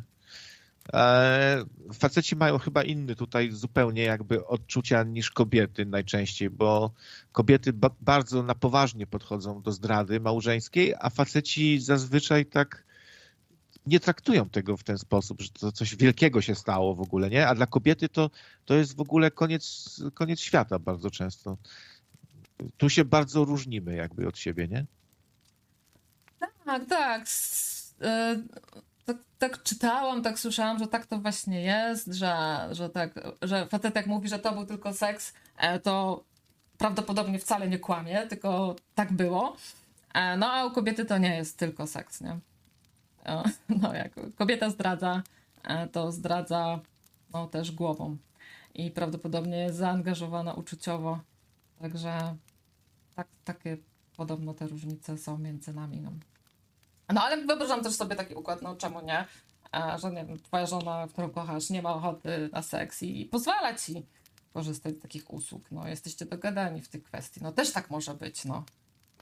No, są podobno i takie związki. Mm. Ale to, to skoro, jeśli by faktycznie tak było, że kobieta, jak powiedziałeś, jak powiedziałaś, jak powiedziałeś, już ci płeć zmieniam. E, e, jak powiedziało e, Ania, Anio, e, no, że kobieta zdradza głową, to może stąd się wzięło takie bardziej pejoratywny taki stosunek, neg- negatywny stosunek do kobiet, które się puszczają niż do facetów, bo to poważniejsza sprawa, bo facet w końcu tylko zdradza ciałem i on tak naprawdę Tak. dalej kocha, a kobieta jak zdradza i głową i ciałem, to, to, to gorsze faktycznie. To może to jest jeden z powodów, dla których y, kobieta, która często uprawia seks, to tu, to tam, to jest ladacznica, lafirynda, y, dziwka, a facet to playboy, zdobywca. Mm. No też chyba tutaj takie są atawistyczne e, powody, nie? że po prostu e, mężczyzna chce mieć pewność do tego, że on jest ojcem e, dziecka, nie? E, i, i, to chyba stąd się też wzięło, że właśnie. A, Mhm. faktycznie, no. Mm, tak, a No tak, no bo, bo kobieta po prostu chce mieć dziecko i chyba, i, i co, i mówisz, że nie jest dla niej y, tak ważne już, czy to męża, czy nie męża. No tak, no faktycznie. Ale właściwie to tutaj z- o tej pedofilii jeszcze chciałam, e, choć to nieprzyjemny temat. E, no bo właśnie tam wiadomo, w tej książce też są ci wszyscy pedofile, oczywiście e, mają swoje żony, mają swoje dzieci, ale to nie przeszkadza im, e, mm, no nie wiem jak to nazwać, e, więzić i znęcać się nad tymi e, dziećmi, takimi dziećmi, E, Jak to jest możliwe e, w ogóle e, do zorganizowania? No są to takie dzieci, które tak naprawdę nie istnieją, nie są nigdzie zarejestrowane w żadnych systemach, tak? Więc tak to się odbywa. W ogóle cała historia zaczyna się od tego, że rzeka wyrzuca na brzeg taką, no właśnie, policja próbuje ustalić, czy ona ma 14 lat, 15 lat, e, taką dziewczynę storturowaną. E, Uszkodzono jej ciało jest od jakiejś śruby motorowej. E, Wyławiają ją z rzeki, ale o dziwo w jej płucach jest woda z basenu i ona ma bardzo bladą cerę. Okazuje się, że e, no, to ciało jej wygląda tak, jak ona by właśnie w ogóle nie wychodziła na światło e, słoneczne, więc od razu e, zaczynają podejrzewać, że właśnie była gdzieś e, więziona e, długie lata. E, No i tak próbowałam się znaleźć w internecie w ogóle, jaki to jest odsetek e, w społeczeństwie e, takich skłonności pedofilskich. E, No i Wikipedia podaje, że to szacuje się na 5%, ale to są takie e, bardzo przybliżone szacunki. Ta, E, ale, ale aż tyle, przepraszam, to jest dziwne trochę, bo populację, y, znaczy, bo y, gejów i le, lesbijki się szacuje na 2%, a pedofili 5%? No właśnie. Ja, Dziwne, nie? e, ja nie wiem, czy oni tak przeszacowują, bo zak- zakładają, mm, że większość tych spraw, wiesz, e, nie, nie widzi światła dziennego, nie, nie wychodzi na jaw. E, No i też jest ciekawe, że z tych wszystkich e, incydentów, powiedzmy, pedofilskich, no to 99% przypadków to mężczyźni, a ja niby 1% tylko to kobiety. I tak się zastanawiam, czy to wynika z tego, że e, no, jeżeli jest czynność seksualna na dziecku wykonana, że tak powiem, przez mężczyznę, e, no to po prostu są obrażenia. Tak? I po prostu, jeżeli kobieta dokonuje jakichś aktów pedofilskich, no to za bardzo, nie, no nic po tym za bardzo śladów nie ma. Czy raczej właśnie znowu chodzi o jakieś takie e, uwarunkowania, e, które mają przyczynę w różnicach między płciami? Czy może to jest to, że nie wiem, że kobiety z racji tego, że, wiem, że są i matkami, są mają to, to jakiś taki tak stosunek do dzieci e, trochę inny. No nie wiem, nie wiem, tak po prostu dywaguję sobie, nie? E, nie czytałam, może ktoś z Was coś czytał kiedyś o tym, bo to jest taki temat no, bardzo niepokojący, no, którego no, nie chcę się za bardzo dopuszczać e, do siebie, no ale siłą rzeczy, jak ma się dzieci, no to, tak powiem, trzeba być czujnym, nie? Na pewno jest bardzo y, zaniżony odsetek kobiet, no ale to, to, to no, różne mogą być powody, takie jak mówisz, plus jeszcze inne. Takie, że na przykład u kobiet to częściej w rodzinie gdzieś zostaje, nie? Na przykład, a faceci gdzieś tam się zasadzają, napadają czy porywają, no bo są facetami, są bardziej do tego jakoś predysponowani do tego, żeby takie rzeczy robić bardziej odważne i no tak można powiedzieć, nie? No ba bardziej odważne to wymaga jakiejś tam takiej męskości, żeby gdzieś tam porwać kogoś, nie? No, więc u kobiet to na pewno w rodzinie gdzieś tam zostaje. No, y, y, ci pedofile to oni często sobie budują jakieś na przykład domy na odludziu, i tam po prostu się to wszystko roz, rozgrywa, nie? A w Polsce nie Tak. trzeba na odludziu. Co prawda, może mniej, mniejsza miejscowość jest lepsza. Chociaż ja bym na, na, na- chłopski rozum bym powiedziała, że gorsza, no ale jak się okazuje, e, w Czernikach ten dom tej rodziny G stał w środku tej wsi. Wszyscy e, we wsi wiedzieli, co tam się prawdopodobnie odbywa. I latami to trwało, e, że Głowa rodziny wykorzystywał prawdopodobnie po kolei wszystkie swoje córki. E, były dzieci z tego i dzieci były po prostu zakopywane w piwnicy. Także mamy swojego Fritzla. No. I jak, I jak to na wsi, że nie, nie mieszać się, nie? Do, do cudzych spraw. Nie mieszać się, zostaw to. No. A, a potem jest, no pani, pani Aniu, ale to taki był dobry człowiek, zawsze mówił dzień dobry. No właśnie dzisiaj e, patrzyłam, jak jest ostatni artykuł w tym temacie, to się dowiedziałam, że to nie był dobry człowiek, bo do kościoła nie chodził i księdza nie przyjmował. A pod samym krzyżem mieszkał, bo naprzeciwko tego domu stał drewniany krzyż i Jezus Chrystus musiał na to wszystko patrzeć. E, księdza nie przyjmował, może nie lubił konkurencji. Otóż to. Otóż to. No dobra, krawiec, słuchaj. e, to w sumie pokrótce tylko to chciałam dzisiaj Wam opowiedzieć. Zachęcam Was do przeczytania e, tego reportażu Dobry Wilk, tragedia w szwedzkim zoo. No i do tego kryminału Nele Neuhaus, e, Zły Wilk. Bardzo wartka akcja. Także na jakiś weekend polecam. Jak nie papierowo, to jakieś e-booki są dostępne. No i jak tylko obejrzę ten film Sound of Freedom, to e, na pewno Wam o nim wspomnę. Chociaż po tym trailerze widać, że jest taki no, robiony, no nawet nie, bo on był 7 lat temu tak naprawdę robiony, nie? E, Także no, jak się okazuje, i też nie mieli za bardzo środków za dużych na ten film. E, tak trochę trąci myszką, jak to się mówi. Tak trochę w starym stylu jest nakręcony. E, No ale temat e, godny uwagi, więc chętnie tych autorów też e, wesprę, więc e, do kin. Nie tylko na Zieloną Granicę, ale także na Sound of Freedom. A niezniszczalnych czwóreczkę możecie sobie darować, bo ci z kolei trącą, już nie powiem czym. Okej, e, no. No i tak, a ten wilk to, tak jak w której audycji, mm, nie był ani dobry, ani zły, tylko on był po prostu chory. Po prostu był chory e, przez to, że e, był uwięziony. I, i takie, takie, mm, takie zdanie e, mi zapadło najbardziej z tego reportażu, że właśnie to nie był ani dobry, ani zły wilk, tylko po prostu to jest dziki drapieżnik, który nie powinien e, żyć w niewoli. E, I stąd wszystkie problemy e, w tym stadzie wynikły.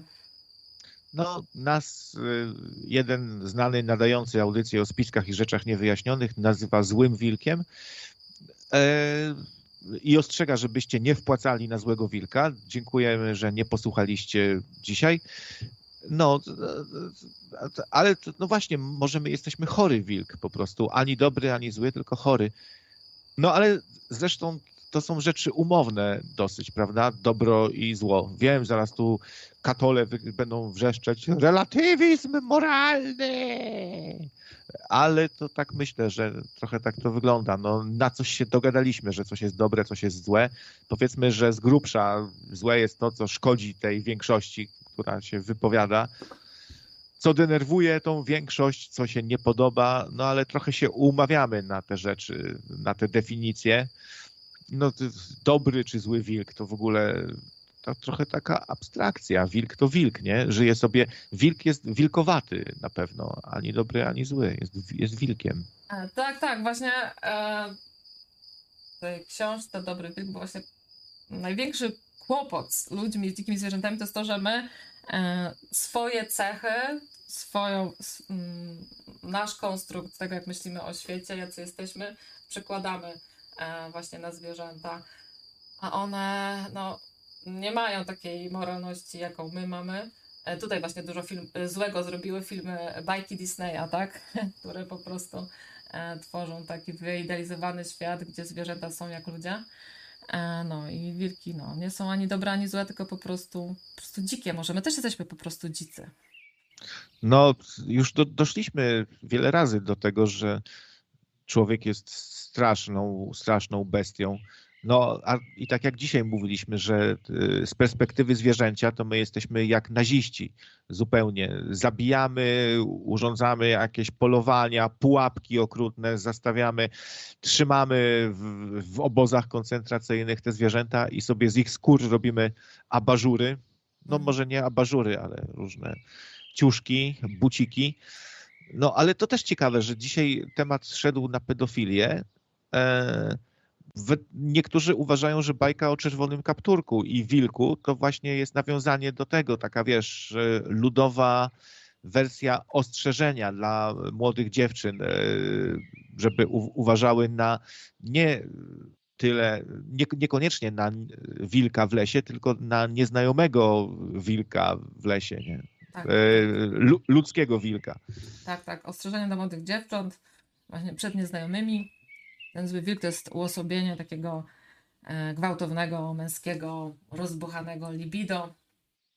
A podobno ten e, kapturek czerwony e, ma symbolizować pierwszą menstruację, czyli kiedy kobieta, dziewczynka staje się kobietą, no wtedy musi zacząć uważać jeszcze bardziej. No a w książce Zły Wilk, to Zły Wilk to nie był zwykły rozbijacz rodziny, tylko po prostu e, tam to byli pedofile e, na najwyższych szczeblach władzy i, i tym trudniej e, było ich zdemaskować.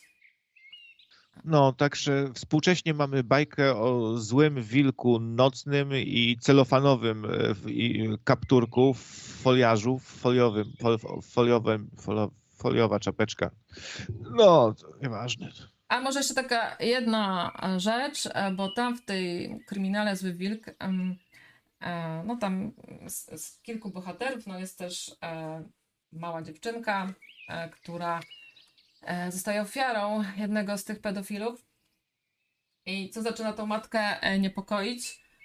Ta kilkuletnia dziewczynka strasznie zmienia się jej zachowanie, ma napady agresji, także tak, te dzieci się strasznie e, bronią e, przed tym, co je spotyka, bo przeważnie spotyka je to z jakiegoś grona bliskich osób. To jest jakiś wujek, jakiś przyjaciel rodziców.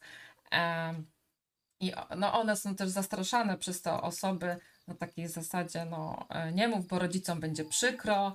e, e, I e, rodzice muszą, mówię, być mega wyczuleni. E, Często takie dzieci e, potem mają e, takie problemy typu jakieś rozdwojenie jaźni, jakieś równoległe osobowości, e, bo one sobie właśnie tworzą takie odrębne światy, odrębne osobowości, e, do których mogą uciec w trakcie, gdy to się dzieje.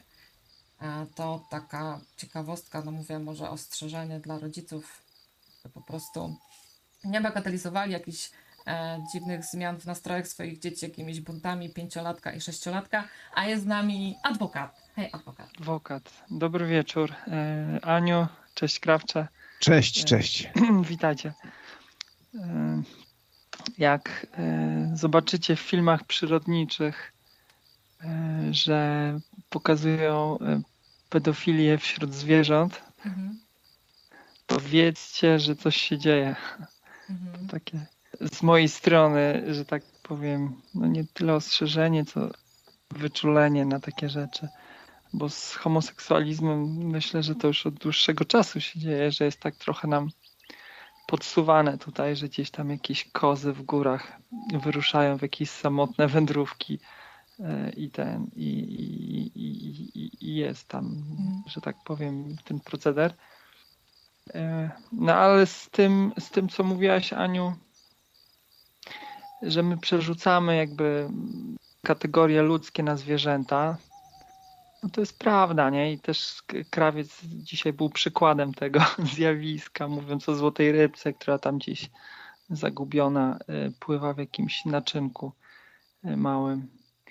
Y, No jest coś i myślę, że to się trochę wykorzystuje. Znaczy istnieje ta cała jakaś tam teoria spiskowa odnośnie tego, że, że, że, że chce się nas trochę, znaczy najpierw się zwierzęta wynosi do pozycji człowieka i nadaje się im takie same prawa, próbuje się to zrobić, a potem istnieje niebezpieczeństwo, że człowieka zacznie się traktować jak zwierzęta, więc jest, jest jakieś zagrożenie z tej strony. I myślę, że musimy być czujni, nie? żeby nie przekraczać jednak tej granicy świata zwierząt i, i świata człowieka, i, ludzi. I wydaje mi się, że krawiec cię to oburzają takie rzeczy, jak piszę nieraz na czacie ja albo inni ludzie to mówią, no, że człowiek jednak jest gatunkiem wyższym nad wszystkimi innymi istotami. No i tyle. Ja nie wiem, tu nie ma co z tym polemizować. No nie ma, nie ma i to samo mówiłem też dzisiaj. Tylko po prostu twoje jakieś takie obawy i lęki kojarzą mi się często z księżowskimi gadkami. Może stąd czuję taką lek, No lekką, lekką irytację, bo to jest toczka w toczkę, jakbym słuchał jakiegoś księdza. Za każdym razem twoje takie te obawy, że właśnie no, y, że pokazują nam tego geja, y, tego wilka geja i dlaczego oni to robią, kto za tym stoi. No, No ale coś w tym może być, wiesz, to jak mówią, że no, Jola ostatnio to mówiła, czy ktoś inny, ale nawet popsuty zegar dwa razy na dobę pokazuje dobrą godzinę, więc wiesz, no też mógłbyś trochę bardziej otwarty być i, i nie tylko, że tak powiem, ścianą uprzedzeń działać w stosunku do środowisk jakichś tam konkretnych. A co do samych wilków, słuchajcie, bo nawet teraz w trakcie audycji poszukałem czegoś w internecie odnośnie ataków wilków i trafiłem na taki film, gdzie koleś sobie siedzi w samochodzie na podwórku i wilki po prostu dwa do niego przyszły nie? i obwąchują mm, podwórko. Y, Jeden z nich zaznaczył teren, Mhm. y, sikając tam gdzieś i, i tak sobie myślę, wiecie, pewnie może to wielu zbulwer, zbulwersować z was, ale, ale jeśli chodzi o wilki, to wydaje mi się, że wilk, który się nie boi ludzi, to powinien być martwy wilk. Takie jest moje zdanie, nie? Wilk, który żyje na wolności oczywiście i, i, i nie boi się ludzi. No, jest to może okrutne, ale wolę, żeby zginęło t- t- z tysiąc wilków niż jeden człowiek z, z, ten, z rąk wilka, chciałem powiedzieć. No z tego, co tam Czyli- wyczytałam w tym reportażu, to wilki raczej dorosłych ludzi e, się boją i to, na co mówisz, jakieś takie, które podchodzą i się nie boją. E, znowu najbardziej zagrożone są dzieci, nie? Bo dzieci są małe i są łatwym łupem dla, dla wilków. No ja znam historię dziecka, które, znaczy, ale to już tak sprzed paru dziesięciu lat. E, Z początku w zasadzie XX wieku. Trzy, trzyletnie dziecko bodajże zostało porwane przez wilka i poniósł dziecko gdzieś w las czy na łąki i no nie przeżyło tego niestety. A ostatnio, nie wiem na jakimś onecie czy na czymś e, trafiłem, no przed chwilą właściwie, na artykuł o tym, że wilk zaatakował mężczyznę e, gdzieś w Bieszczadach, czy gdzieś tam żył na skraju cywilizacji. No i wyszedł z domu za psem, który wypłoszył się czymś. No jak wyszedł, to został zaatakowany przez wilka, nie? Dorosły mężczyzna. Więc wiecie. No, ja uważam, że, że, że, że, że, człowiek nie powinien ginąć e, z rąk wilków. No wiadomo, że cywilizacyjnie niestety jesteśmy opresyjni dla zwierząt, no ale to już to już jest taki krok, który podjęliśmy, no i, i, i to, to można łagodzić, ale, ale, ale jakby nie sprawimy, że te ich trakty komunikacyjne, no bo zwierzęta, żeby mogły funkcjonować możliwie e, w takich warunkach naturalnych, to muszą mieć swoje trasy, któ- którymi się będą poruszały, no bo muszą terytoria zmieniać. To wszystko służy ich jakiejś kondycji. Nie? E, No i, i, i te, te, te trasy się zawężają, coraz mniej jest takich przejść, którymi mogą sobie migrować z miejsca w miejsce. A jest tu jakaś taka sprawiedliwość trochę dziejowa, no bo był czas, że to człowiek musiał się kryć przed zwierzakami, spierniczać przed nimi e, i to one dla nas e, dbały. No tak, ale, ale to ja bym tam akurat w ten sposób nie próbował na to spojrzeć. No jest jakiś dramat y, życia jako takiego, że, że jedno musi się poddać drugiemu. No to jakieś prawidła są tej rzeczywistości naszej. Y, I myślę, że nie powinniśmy tutaj popadać w jakieś y, nie tyle nostalgię, czy co jakieś takie emocjonalne słabości. W sensie, że nie być okrutnymi dla zwierząt, bo wiecie, to, że człowiek zabijał od zawsze zwierzęta, to nie znaczy, że temu towarzyszy okru- towarzyszyło okrucieństwo. Myślę, że e, normalni psychicznie ludzie w naturze swojej mają, znaczy w ogóle człowiek ma w swojej naturze, a, a e, psychicznie, że tak powiem, stabilni ludzie po prostu e, stosują to jako normę, jakieś takie racjonalne podejście do kwestii zabijania zwierząt, nie? Że, że, że, nie, nie dają przy okazji tego upustu jakimś swoim chorym potrzebom. Po prostu jest potrzeba na, na, na mięso, potrzeba na inne, że tak powiem, na, na skórę, na, na, na inne jakieś po, pochodzące od zwierzęcia e, rzeczy, no i tyle. Tak, ale to się zawsze jakoś mści, tak e, jakby karmicznie wręcz trochę, bo jak był ten czas, e, że był duży, e, duże wzięcie miały różne ozdoby z kłów, słonia, nie? No ta kość słoniowa ogólnie była popularna, no to, no to zaraz zrobiła się taka sytuacja, że człowiek człowieka wykorzystywał i traktował jak zwierzę, czyli biali czarnych, nie? I jakoś tak to w parze idzie, takie podłe rzeczy, bo to jest coś takiego podłego w, e, w mordowaniu zwierzęcia, często w taki jakiś niezbyt elegancki sposób. Wi wiadomo, że jak to są jacyś kłusownicy, to oni to robią trochę inaczej niż myśliwy, wprawny, y, jakiś tam gajowy marucha, nie? No, który się prędzej będzie stosował do jakichś tam za zasad i względnie humanitarnie to zwierzę traktował, jeśli można tak mówić o humanitarnym traktowaniu zwierzęcia, to hu humanum, człowiek, nie? E, no, e, ale no coś takiego wstrętnego jest, żeby sobie wisiorek zrobić, ale z drugiej strony też jeszcze do niedawna no ciężko było o buty z czegoś innego niż skóra, prawda? No dzisiaj mamy trochę już lepsze metody i nadal te buty często im wiele brakuje pewnie do tych skórzanych. Skóra jest świetna. No, ma bardzo dobre właściwości. Sytuacja się e, zmieniła diametralnie, bo tak jak mówisz, no tam w tym XIX wieku, e, no to ci Szwedzi, jak tępili te wilki, to zabijali ich po 700 rocznie, ale wilki rocznie, e, no to zabijały tysiące kóz, owiec, setki koni, no i wtedy to życie człowieka, no zależało od tego, czy on ma te, te, tego konia, tą owcę i tą kozę, no teraz się sytuacja zmieniła, tych wilków jest znacznie mniej, e, no a my też tak e, nie polega, nasze życie tak nie polega na tych zwierzętach gospodarskich. No i myślę, nad tym właśnie ta Unia Europejska, Komisja będzie teraz pracować. No, no może ciężko porównywać to do sytuacji, jaka jest na przykład z dzikami, no bo no ale podejrzewam, że tak może się skończyć, nie? że jak po prostu te dziki faktycznie wchodzą E, tam między te Szkoda. osiedla, chodzą w szkodę. A, e, no. Nie ma. Te, te trawniki są poryte. No, można z drugiej strony odwrócić to, tak? No to my zajmujemy te ich tereny, e, wycinamy lasy. Mm, no i ciężko tu taką równowagę jakąś znaleźć. No ale prawdopodobnie ta Komisja Europejska zgodzi się na jakiś odstrzał tych wilków, które właśnie zbliżają się ciężko, cie, ciężko, nie ciężko.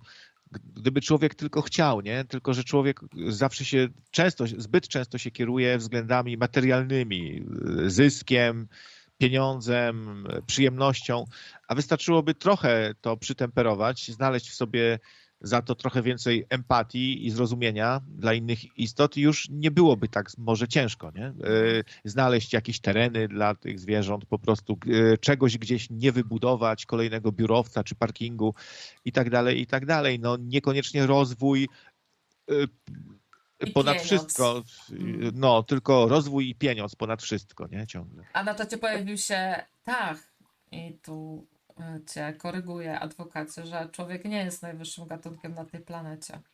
Wyprasza sobie. Stachu, ale słuchaj, słyszałem twój telefon, e, e, twoją ro- rozmowę na antenie i, i jeśli jakby no po, po tej rozmowie nie, nie wnosiłbym, że to twoja rasa jest najwyżej rozwiniętym gatunkiem.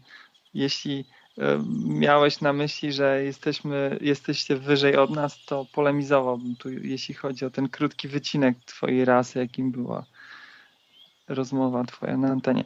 Ale słuchajcie, hm, coś chciałem jeszcze rzec i mnie tak Może wy... chciałeś Jak to- coś o tej, e, tym skandalu e, z, z miejscowości Czerniki opowiedzieć, bo ty jednak jesteś tam bliżej. E, może tam coś e, więcej e, słyszałeś. To jest Czerniki, a to na Mazurach jest, bo ja jestem z Mazur. Może to jest Warmia, koło Kętrzyna. Kętrzyn to jest Warmia? A to blisko jest. A ty, a w ogóle nie wiem, a, a to się tyczy wilków, czy jakichś innych... e, Nie, to z kolei widzisz taki zwrot o, o zupełnie inną stronę, o tym kazirodczym domu. Nie wiem, czy słyszałeś to.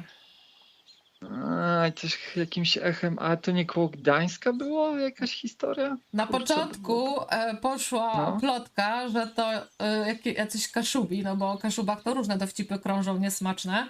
A, Jezus, ale dzisiaj faktycznie. okazało się, że to były, było szkalowanie e, i to jest to jednak Warmia. Nie, bo słyszałem, że koło Gdańska, gdzieś 60 kilometrów, tam mieszkała jakaś wielodzietna rodzina, znaczy już tylko ojciec z dziesięciorgiem dzieci, znaczy już też nawet niekoniecznie, bo się wyprowadziły część. No to Czyli to jest ta historia, tylko, a, tylko ona jest o tam 100 ileś 200 kilometrów na wschód przesunięta. To może jeszcze chwilę poczekamy i to gdzieś za naszą wschodnią granicą się okaże, że było. Nie, nie słyszałem i nie chcę sobie głowy zaśmiecać tym. No przykra sprawa, nie, no ale chcesz począć. Znaczy tyle wiem, że tam się dziwne rzeczy działy, jakieś straszne. Chociaż widzę tutaj właśnie jakieś, że to może są, może są dwie wsie e, Czerniki w Polsce. Słuchaj, no coś koło Gdańska, bo, bo jest taki kanał kolesia Ale nie, na... faktycznie jest Czerniki na województwie pomorskim też. No to u was to chore jest. U nas nie ma takich chorych ludzi. E, No to potwierdziły się te wszystkie dowcipy o kaszubach jednak. A ja to E. chciałam wyprzeć. Mówię, nie, to na pewno nie u nas, a to, to jednak może być u nas, no. To przepraszam za dezinformację, szerzenie. Nie, Spoko, nie, ale jakby mm, przyznam, że słuchałem coś tam, ale nie chcę się w tym specjalnie tam rozwodzić nad tym, no. Proceder jednoznacznie zły i nikt z tym nie polemizuje od pewnie setek czy tysięcy lat, więc No szkoda, że mimo tylu moptów i innych organizacji kościelnych też mm, tak późno a to jest cano, no. To pewnie jest taki bardzo złożony temat, bo raz społeczność, która pytanie, czy ona zawiodła, no bo to tam w- ramach jakiejś małej społeczności wiejskiej się wszystko działo i, i, wszyscy w zasadzie pewnie wiedzieli. E, No to wszystko takie trąci takim toksynami takimi, które się codziennie wylewają jak jakiś szambo gdzieś za stodołą. O, strasznie. Nie chciałbym w takiej wsi mieszkać. Jak sobie tylko o tym usłyszałem, to pomyślałem sobie, jakbym w życiu nie chciał mieć kogoś takiego we wsi, bo ja bym zwariował, bo, bo musiałbym coś z tym zrobić, jakbym się dowiedział, że takie rzeczy się dzieją. Po prostu Gdyby, gdyby, gdyby społeczność była y, okej, to by na przykład spalili dom komuś takiemu, nie? Ale wiesz, kurde, krawiec, ty masz takie na skróty pomysły. No przecież tam jakieś dzieci, No. rozumiem, mieszkały. No jak ty chcesz to tak rozwiązać? No to wziąj tam, wziąć te dzieci tam na lody, zaprosić coś, niech, niech dziad zostanie tam, spalić go, spalić dziada czy coś. Nie no, tak się śmieję trochę, ale brakuje mi czasem takich bardziej radykalnych jakichś działań, No rozwiązań, właśnie, bo wiesz, bo po, po przeciwnym stronie y, tego bieguna mamy wła- właśnie to chowanie głowy w piasek, a nie moja sprawa, a się boję może, nie? Tylko się Tylko nie widzisz, przyznam. tu dochodzimy do, takiej, do, do, takiego, do takich wniosków, że, że życie właśnie takie nie jest, że ono często bywa popieprzone i że nie ma jednoznacznej odpowiedzi, rozumiesz? po czyjej jesteś stronie, tak czy nie. Znaczy tu jakby kwestie moralne są i obyczajowe jakby są jasne, ale ten cały ciąg osób, które jakby są w to uwikłane, które są niewinne, które są ofiarami, wiesz, co jest popieprzone. Jak widzisz, sam system nie działa, zostawiasz y, dzieci na lodzie, no chociaż z takim ojcem to te dzieci nie powinny ani dnia dłużej po prostu funkcjonować, nie? Nie, to jest coś, na noc się nie powinno takich tematów poruszać, słuchajcie, bo jakby wiadomo, dramat, krzywda, ale czemu jeszcze siebie tutaj y, Tak, można, forsować. można dostać. Ktoś tam właśnie op- opowiadał o swoim spotkaniu z wilkiem, że wyszedł wilk i ten wilk y, doznał reakcji trzewiowej. No, po prostu na widok człowieka. Z, Tak. tego, przeję, z tego przejęcia, nie? To, to, to, to takie tematy mogą też wywo- wywoływać tak zwaną reakcję trzewiową. I to jest prawidłowa reakcja wilka dzikiego na człowieka. No i, on, i to jest szansa, że on przeżyje, bo tak jak mówiłem, dla mnie wilki, a mówię to w oparciu o historię tu z moich okolic, nie, że wilki chodzą wokół domostw i jeśli gdzieś mm, są y, hodowle krów czy innych zwierząt, no to to jest łatwy kąsek, nie? Ale mamy następnego gościa na antenie. Halo? Dobry wieczór. O kurczę. Poczułem się wywołane do tablicy przez tutaj kolegę. Y, Nie doczytałeś, co napisałem. Powiedziałem, nie że doczytałem. jesteście najwyższą rasą na planecie, ale nie powiedziałem, że my nią jesteśmy. A, To w takim razie, to w takim razie kto jest? Trydoci. Zamrożeni e, są na lodowcu na Antarktydzie. Skuci łańcuchami ze stali kselitańskiej czekają na wybudzenie. Oni są najwyższą rasą. E, Natomiast nie w naszym interesie jest ich wybudzać. E, Także tylko was tutaj chciałem poinformować, że macie przerośnięte ego jako ludzie. I nie panujecie na tej planecie. No ale No wiesz, niestety. słuchaj, mo można mieć przerośnięte ego, jeśli z z znasz, że tak powiem, przeciwnika, czy, czy tego, z kim rywalizujesz, a ja się pierwszy raz dowiedziałem o tej rasie przebywającej na naszej planecie, więc nie za bardzo w porządku jest zarzucanie mi, że, że tutaj ego mam przerośnięte jako e, samowolny repre- Kolego, niewiedza nie jest żadnym usprawiedliwieniem. Przekroczysz No to- prędkość i powiesz, że nie wiedziałeś, to nie, nie, nie uratuje to cię od mandatu. Także No Pokonałeś mnie w każdym temacie w tym momencie, tym tutaj, założeniem. tutaj Trydoci zostali e, uwięzieni przez e, swoich własnych ludzi, e, którzy was chcieli też ratować między innymi. To jest bardzo długa i zawiła historia, nie chcę się tu rozwodzić, natomiast chciałem tylko powiedzieć o tym, kto rządzi na planecie. Troglodyci. Nie troglodyci. Pieniądz. Trydoci, drogi krawcu. Nie rozumiem, czemu się naśmiewasz z tej historii. Nie, bo, Nie.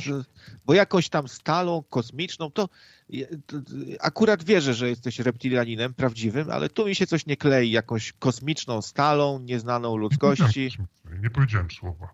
Powiedziałem A co to jest? Kselitańska Stal. A a co to jest za stal?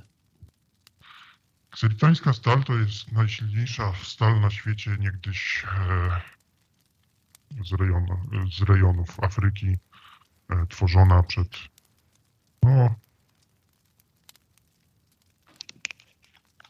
4000 lat przed waszą erą. Wtedy ją tworzono. Tak, tak myślałem, że to czasy nieznane właśnie. No, to można się było spodziewać.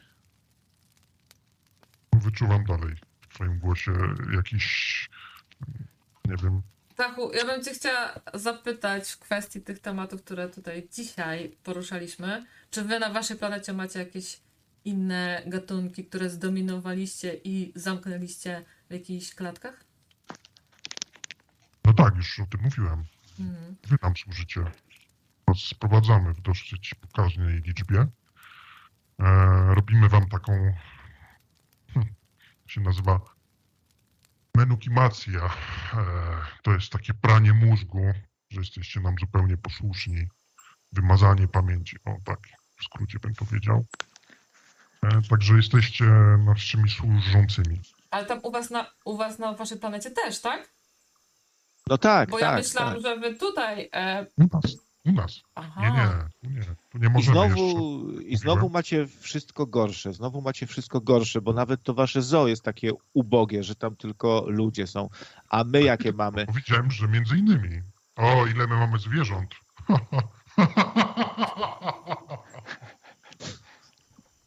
No, i- a, a jakie, jakie na przykład? Inne zwierzątka? Oprócz ludzi? Wilki.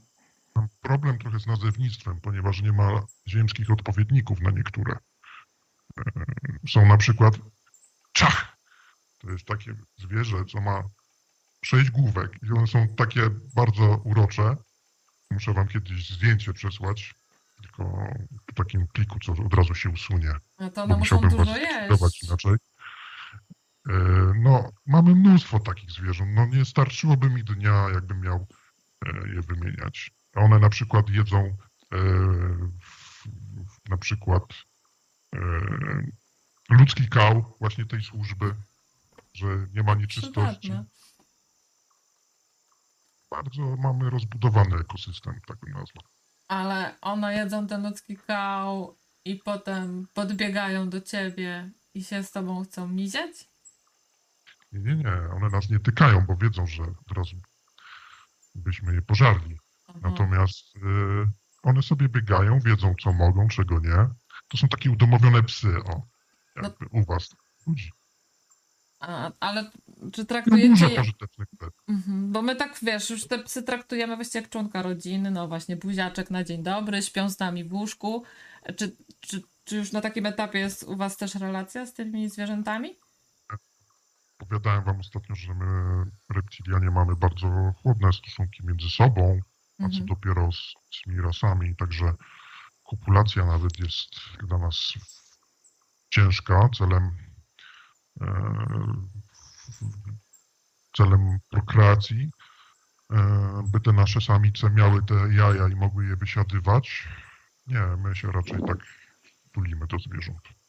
Mnie- Mnie tylko niepokoi ten łańcuch pokarmowy, bo jeśli sprowadzacie osobniki ludzkie do siebie i one robią kupę, którą zjadają te małe zwierzątka, a wy potraficie zjeść takie małe zwierzątko, to czy nie, czy nie ma w tym cyklu czegoś niepokojącego? Czy nie, nie, nie, nie zjeść, może się źle wygra- wyraziłem, zabić, zagryźć, składzić. Nie, my mamy swoje lepsze przysmaki.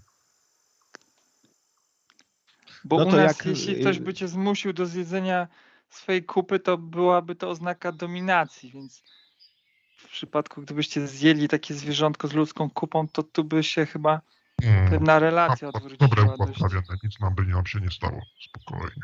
Ale nie, chodzi o pewien taki psychologiczny aspekt, wiesz.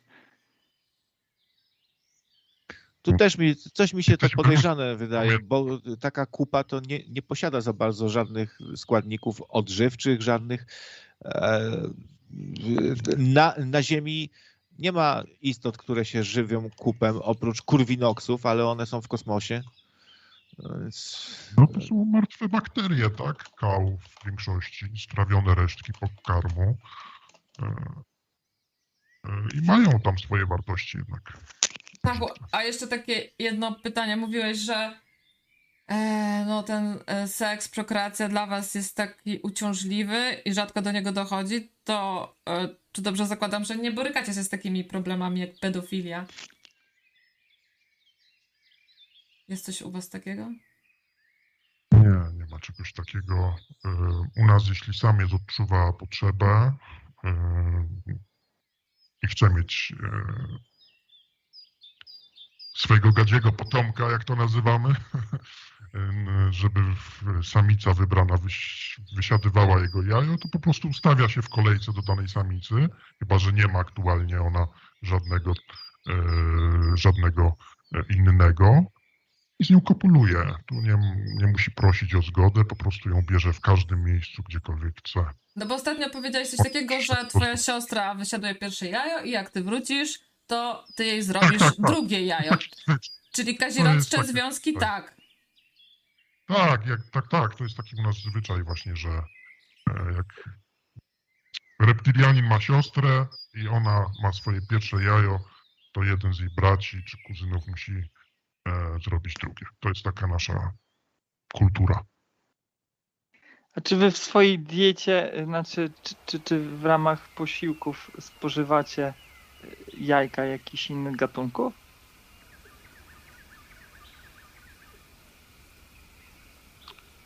E, nie, nie mamy jajek akurat. Nie, nie spożywamy jajek. No dziwne, bo na przykład w, dla węża to to jest przysmak sobie jajeczko zjeść jakieś tam kurze czy ptasie. Nie, nie spożywamy jaj. Masz jakieś złe informacje.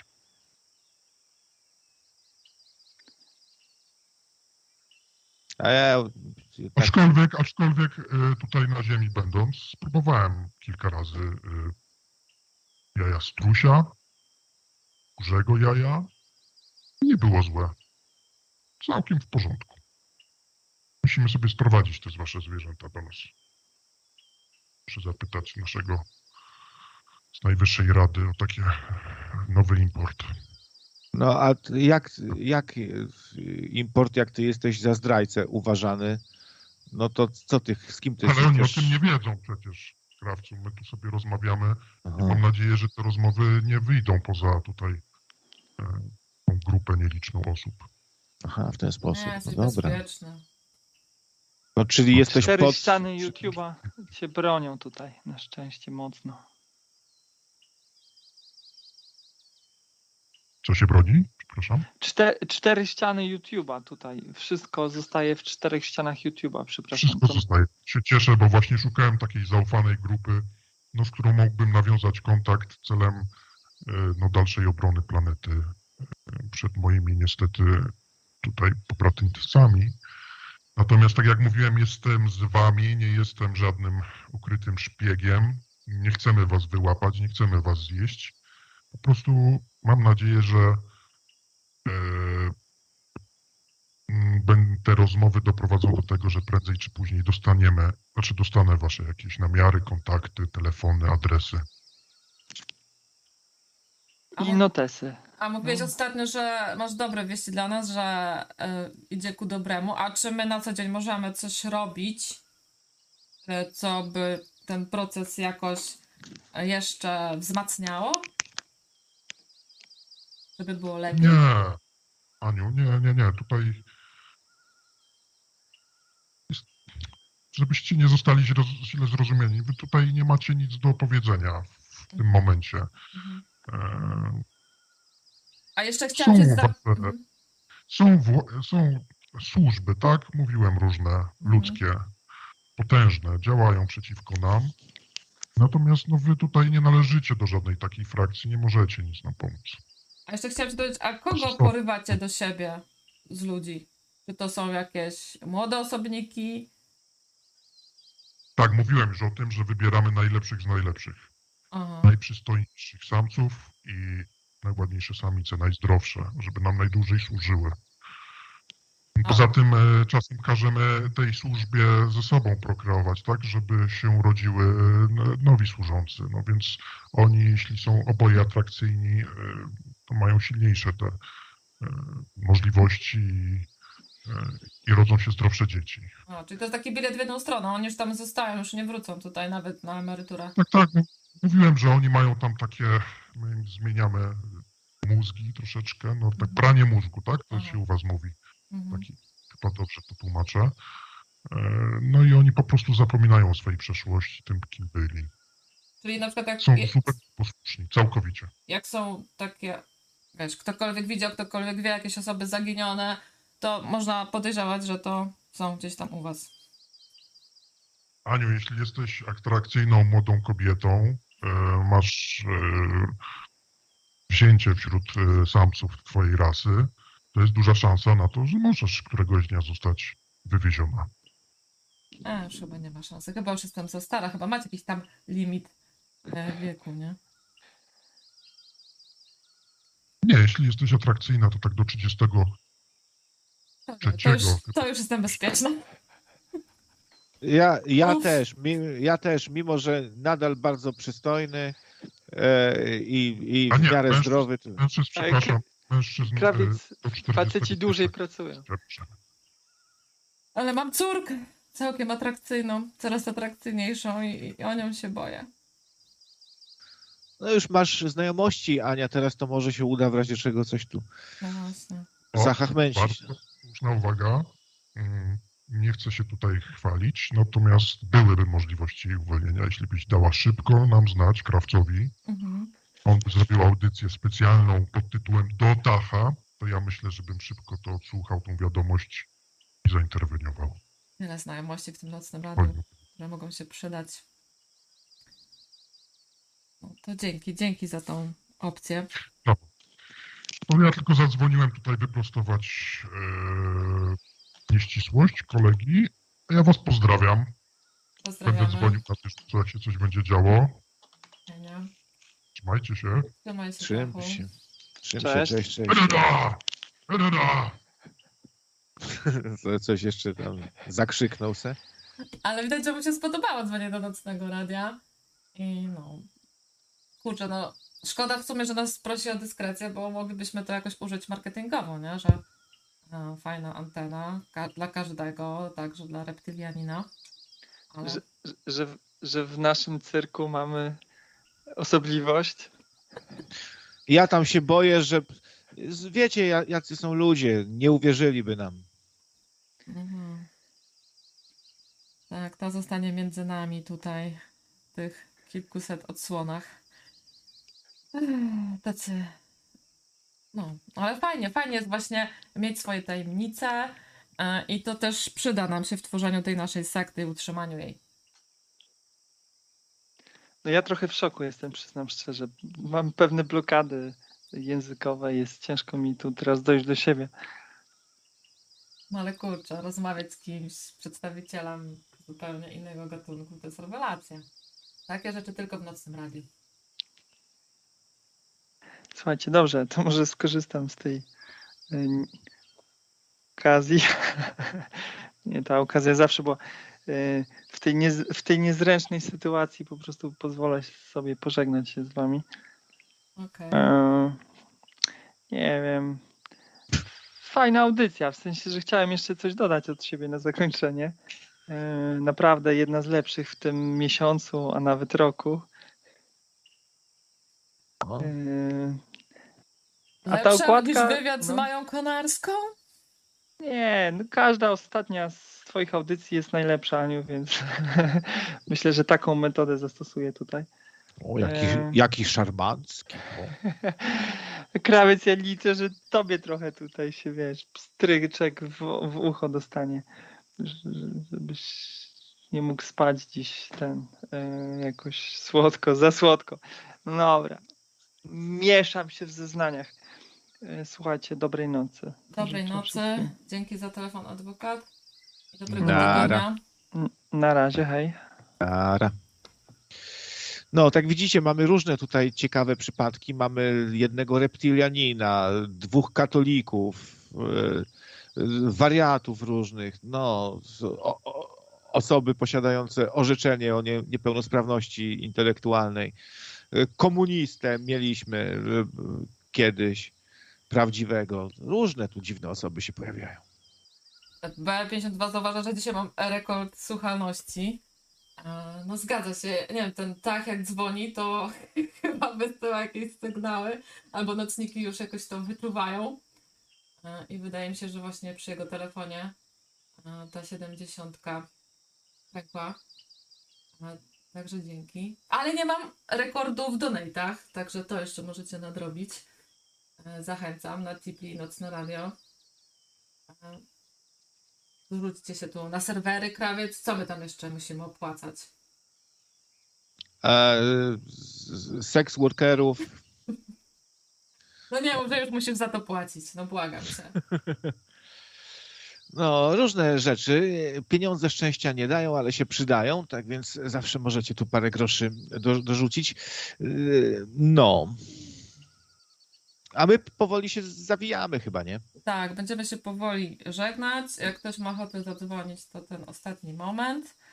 Ale jak nie dziś, to niebawem kolejne audycje, na pewno w piątek, chyba że krawiec czymś wyskoczysz. Jak tam myślisz, co ten tydzień przyniesie?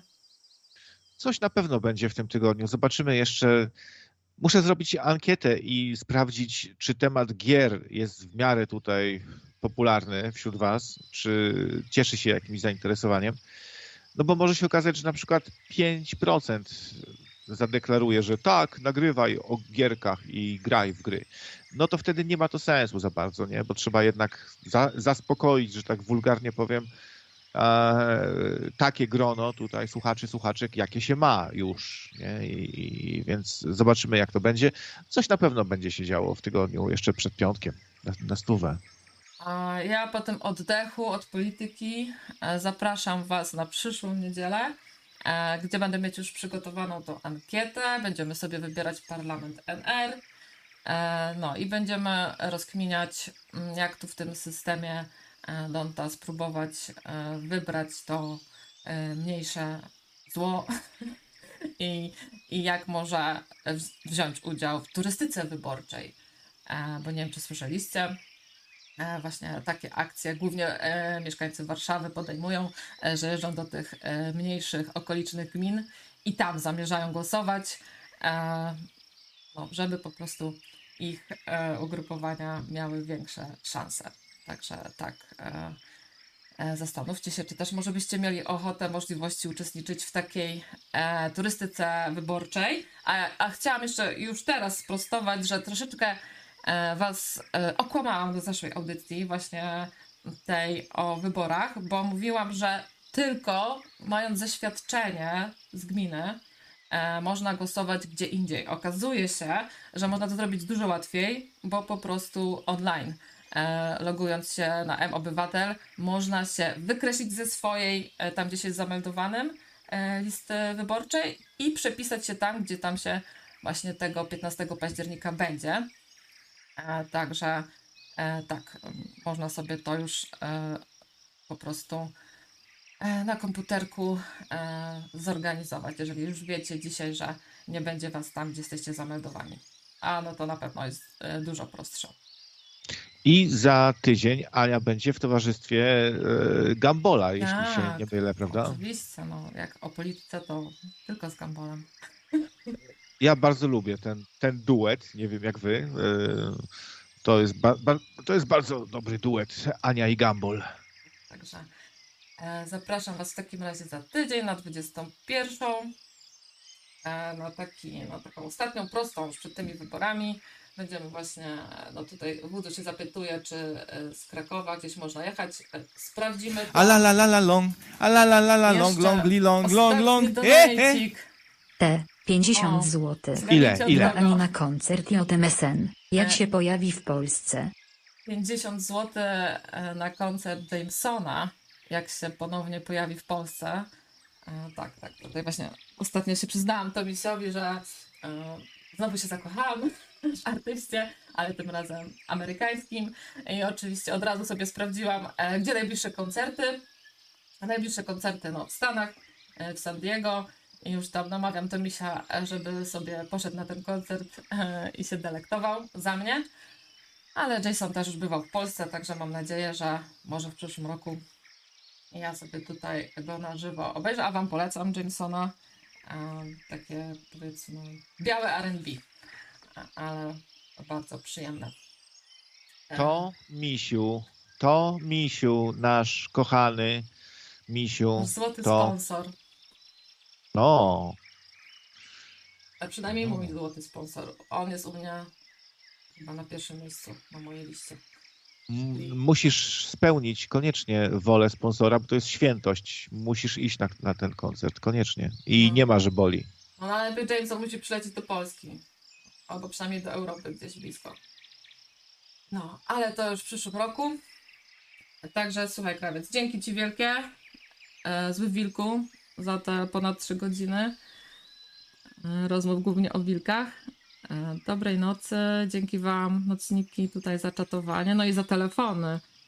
I wyjątkowe podziękowania dla Tacha za to, że znowu się z nami połączył. Dokładnie. No to e, też, też dziękuję za audycyjkę. Trzymajcie się. Papa, pa, hej. To trzymajcie się i na koniec jeszcze raz niech nam jakiś tutaj wilk e, zawyje i życzę dobrej nocy.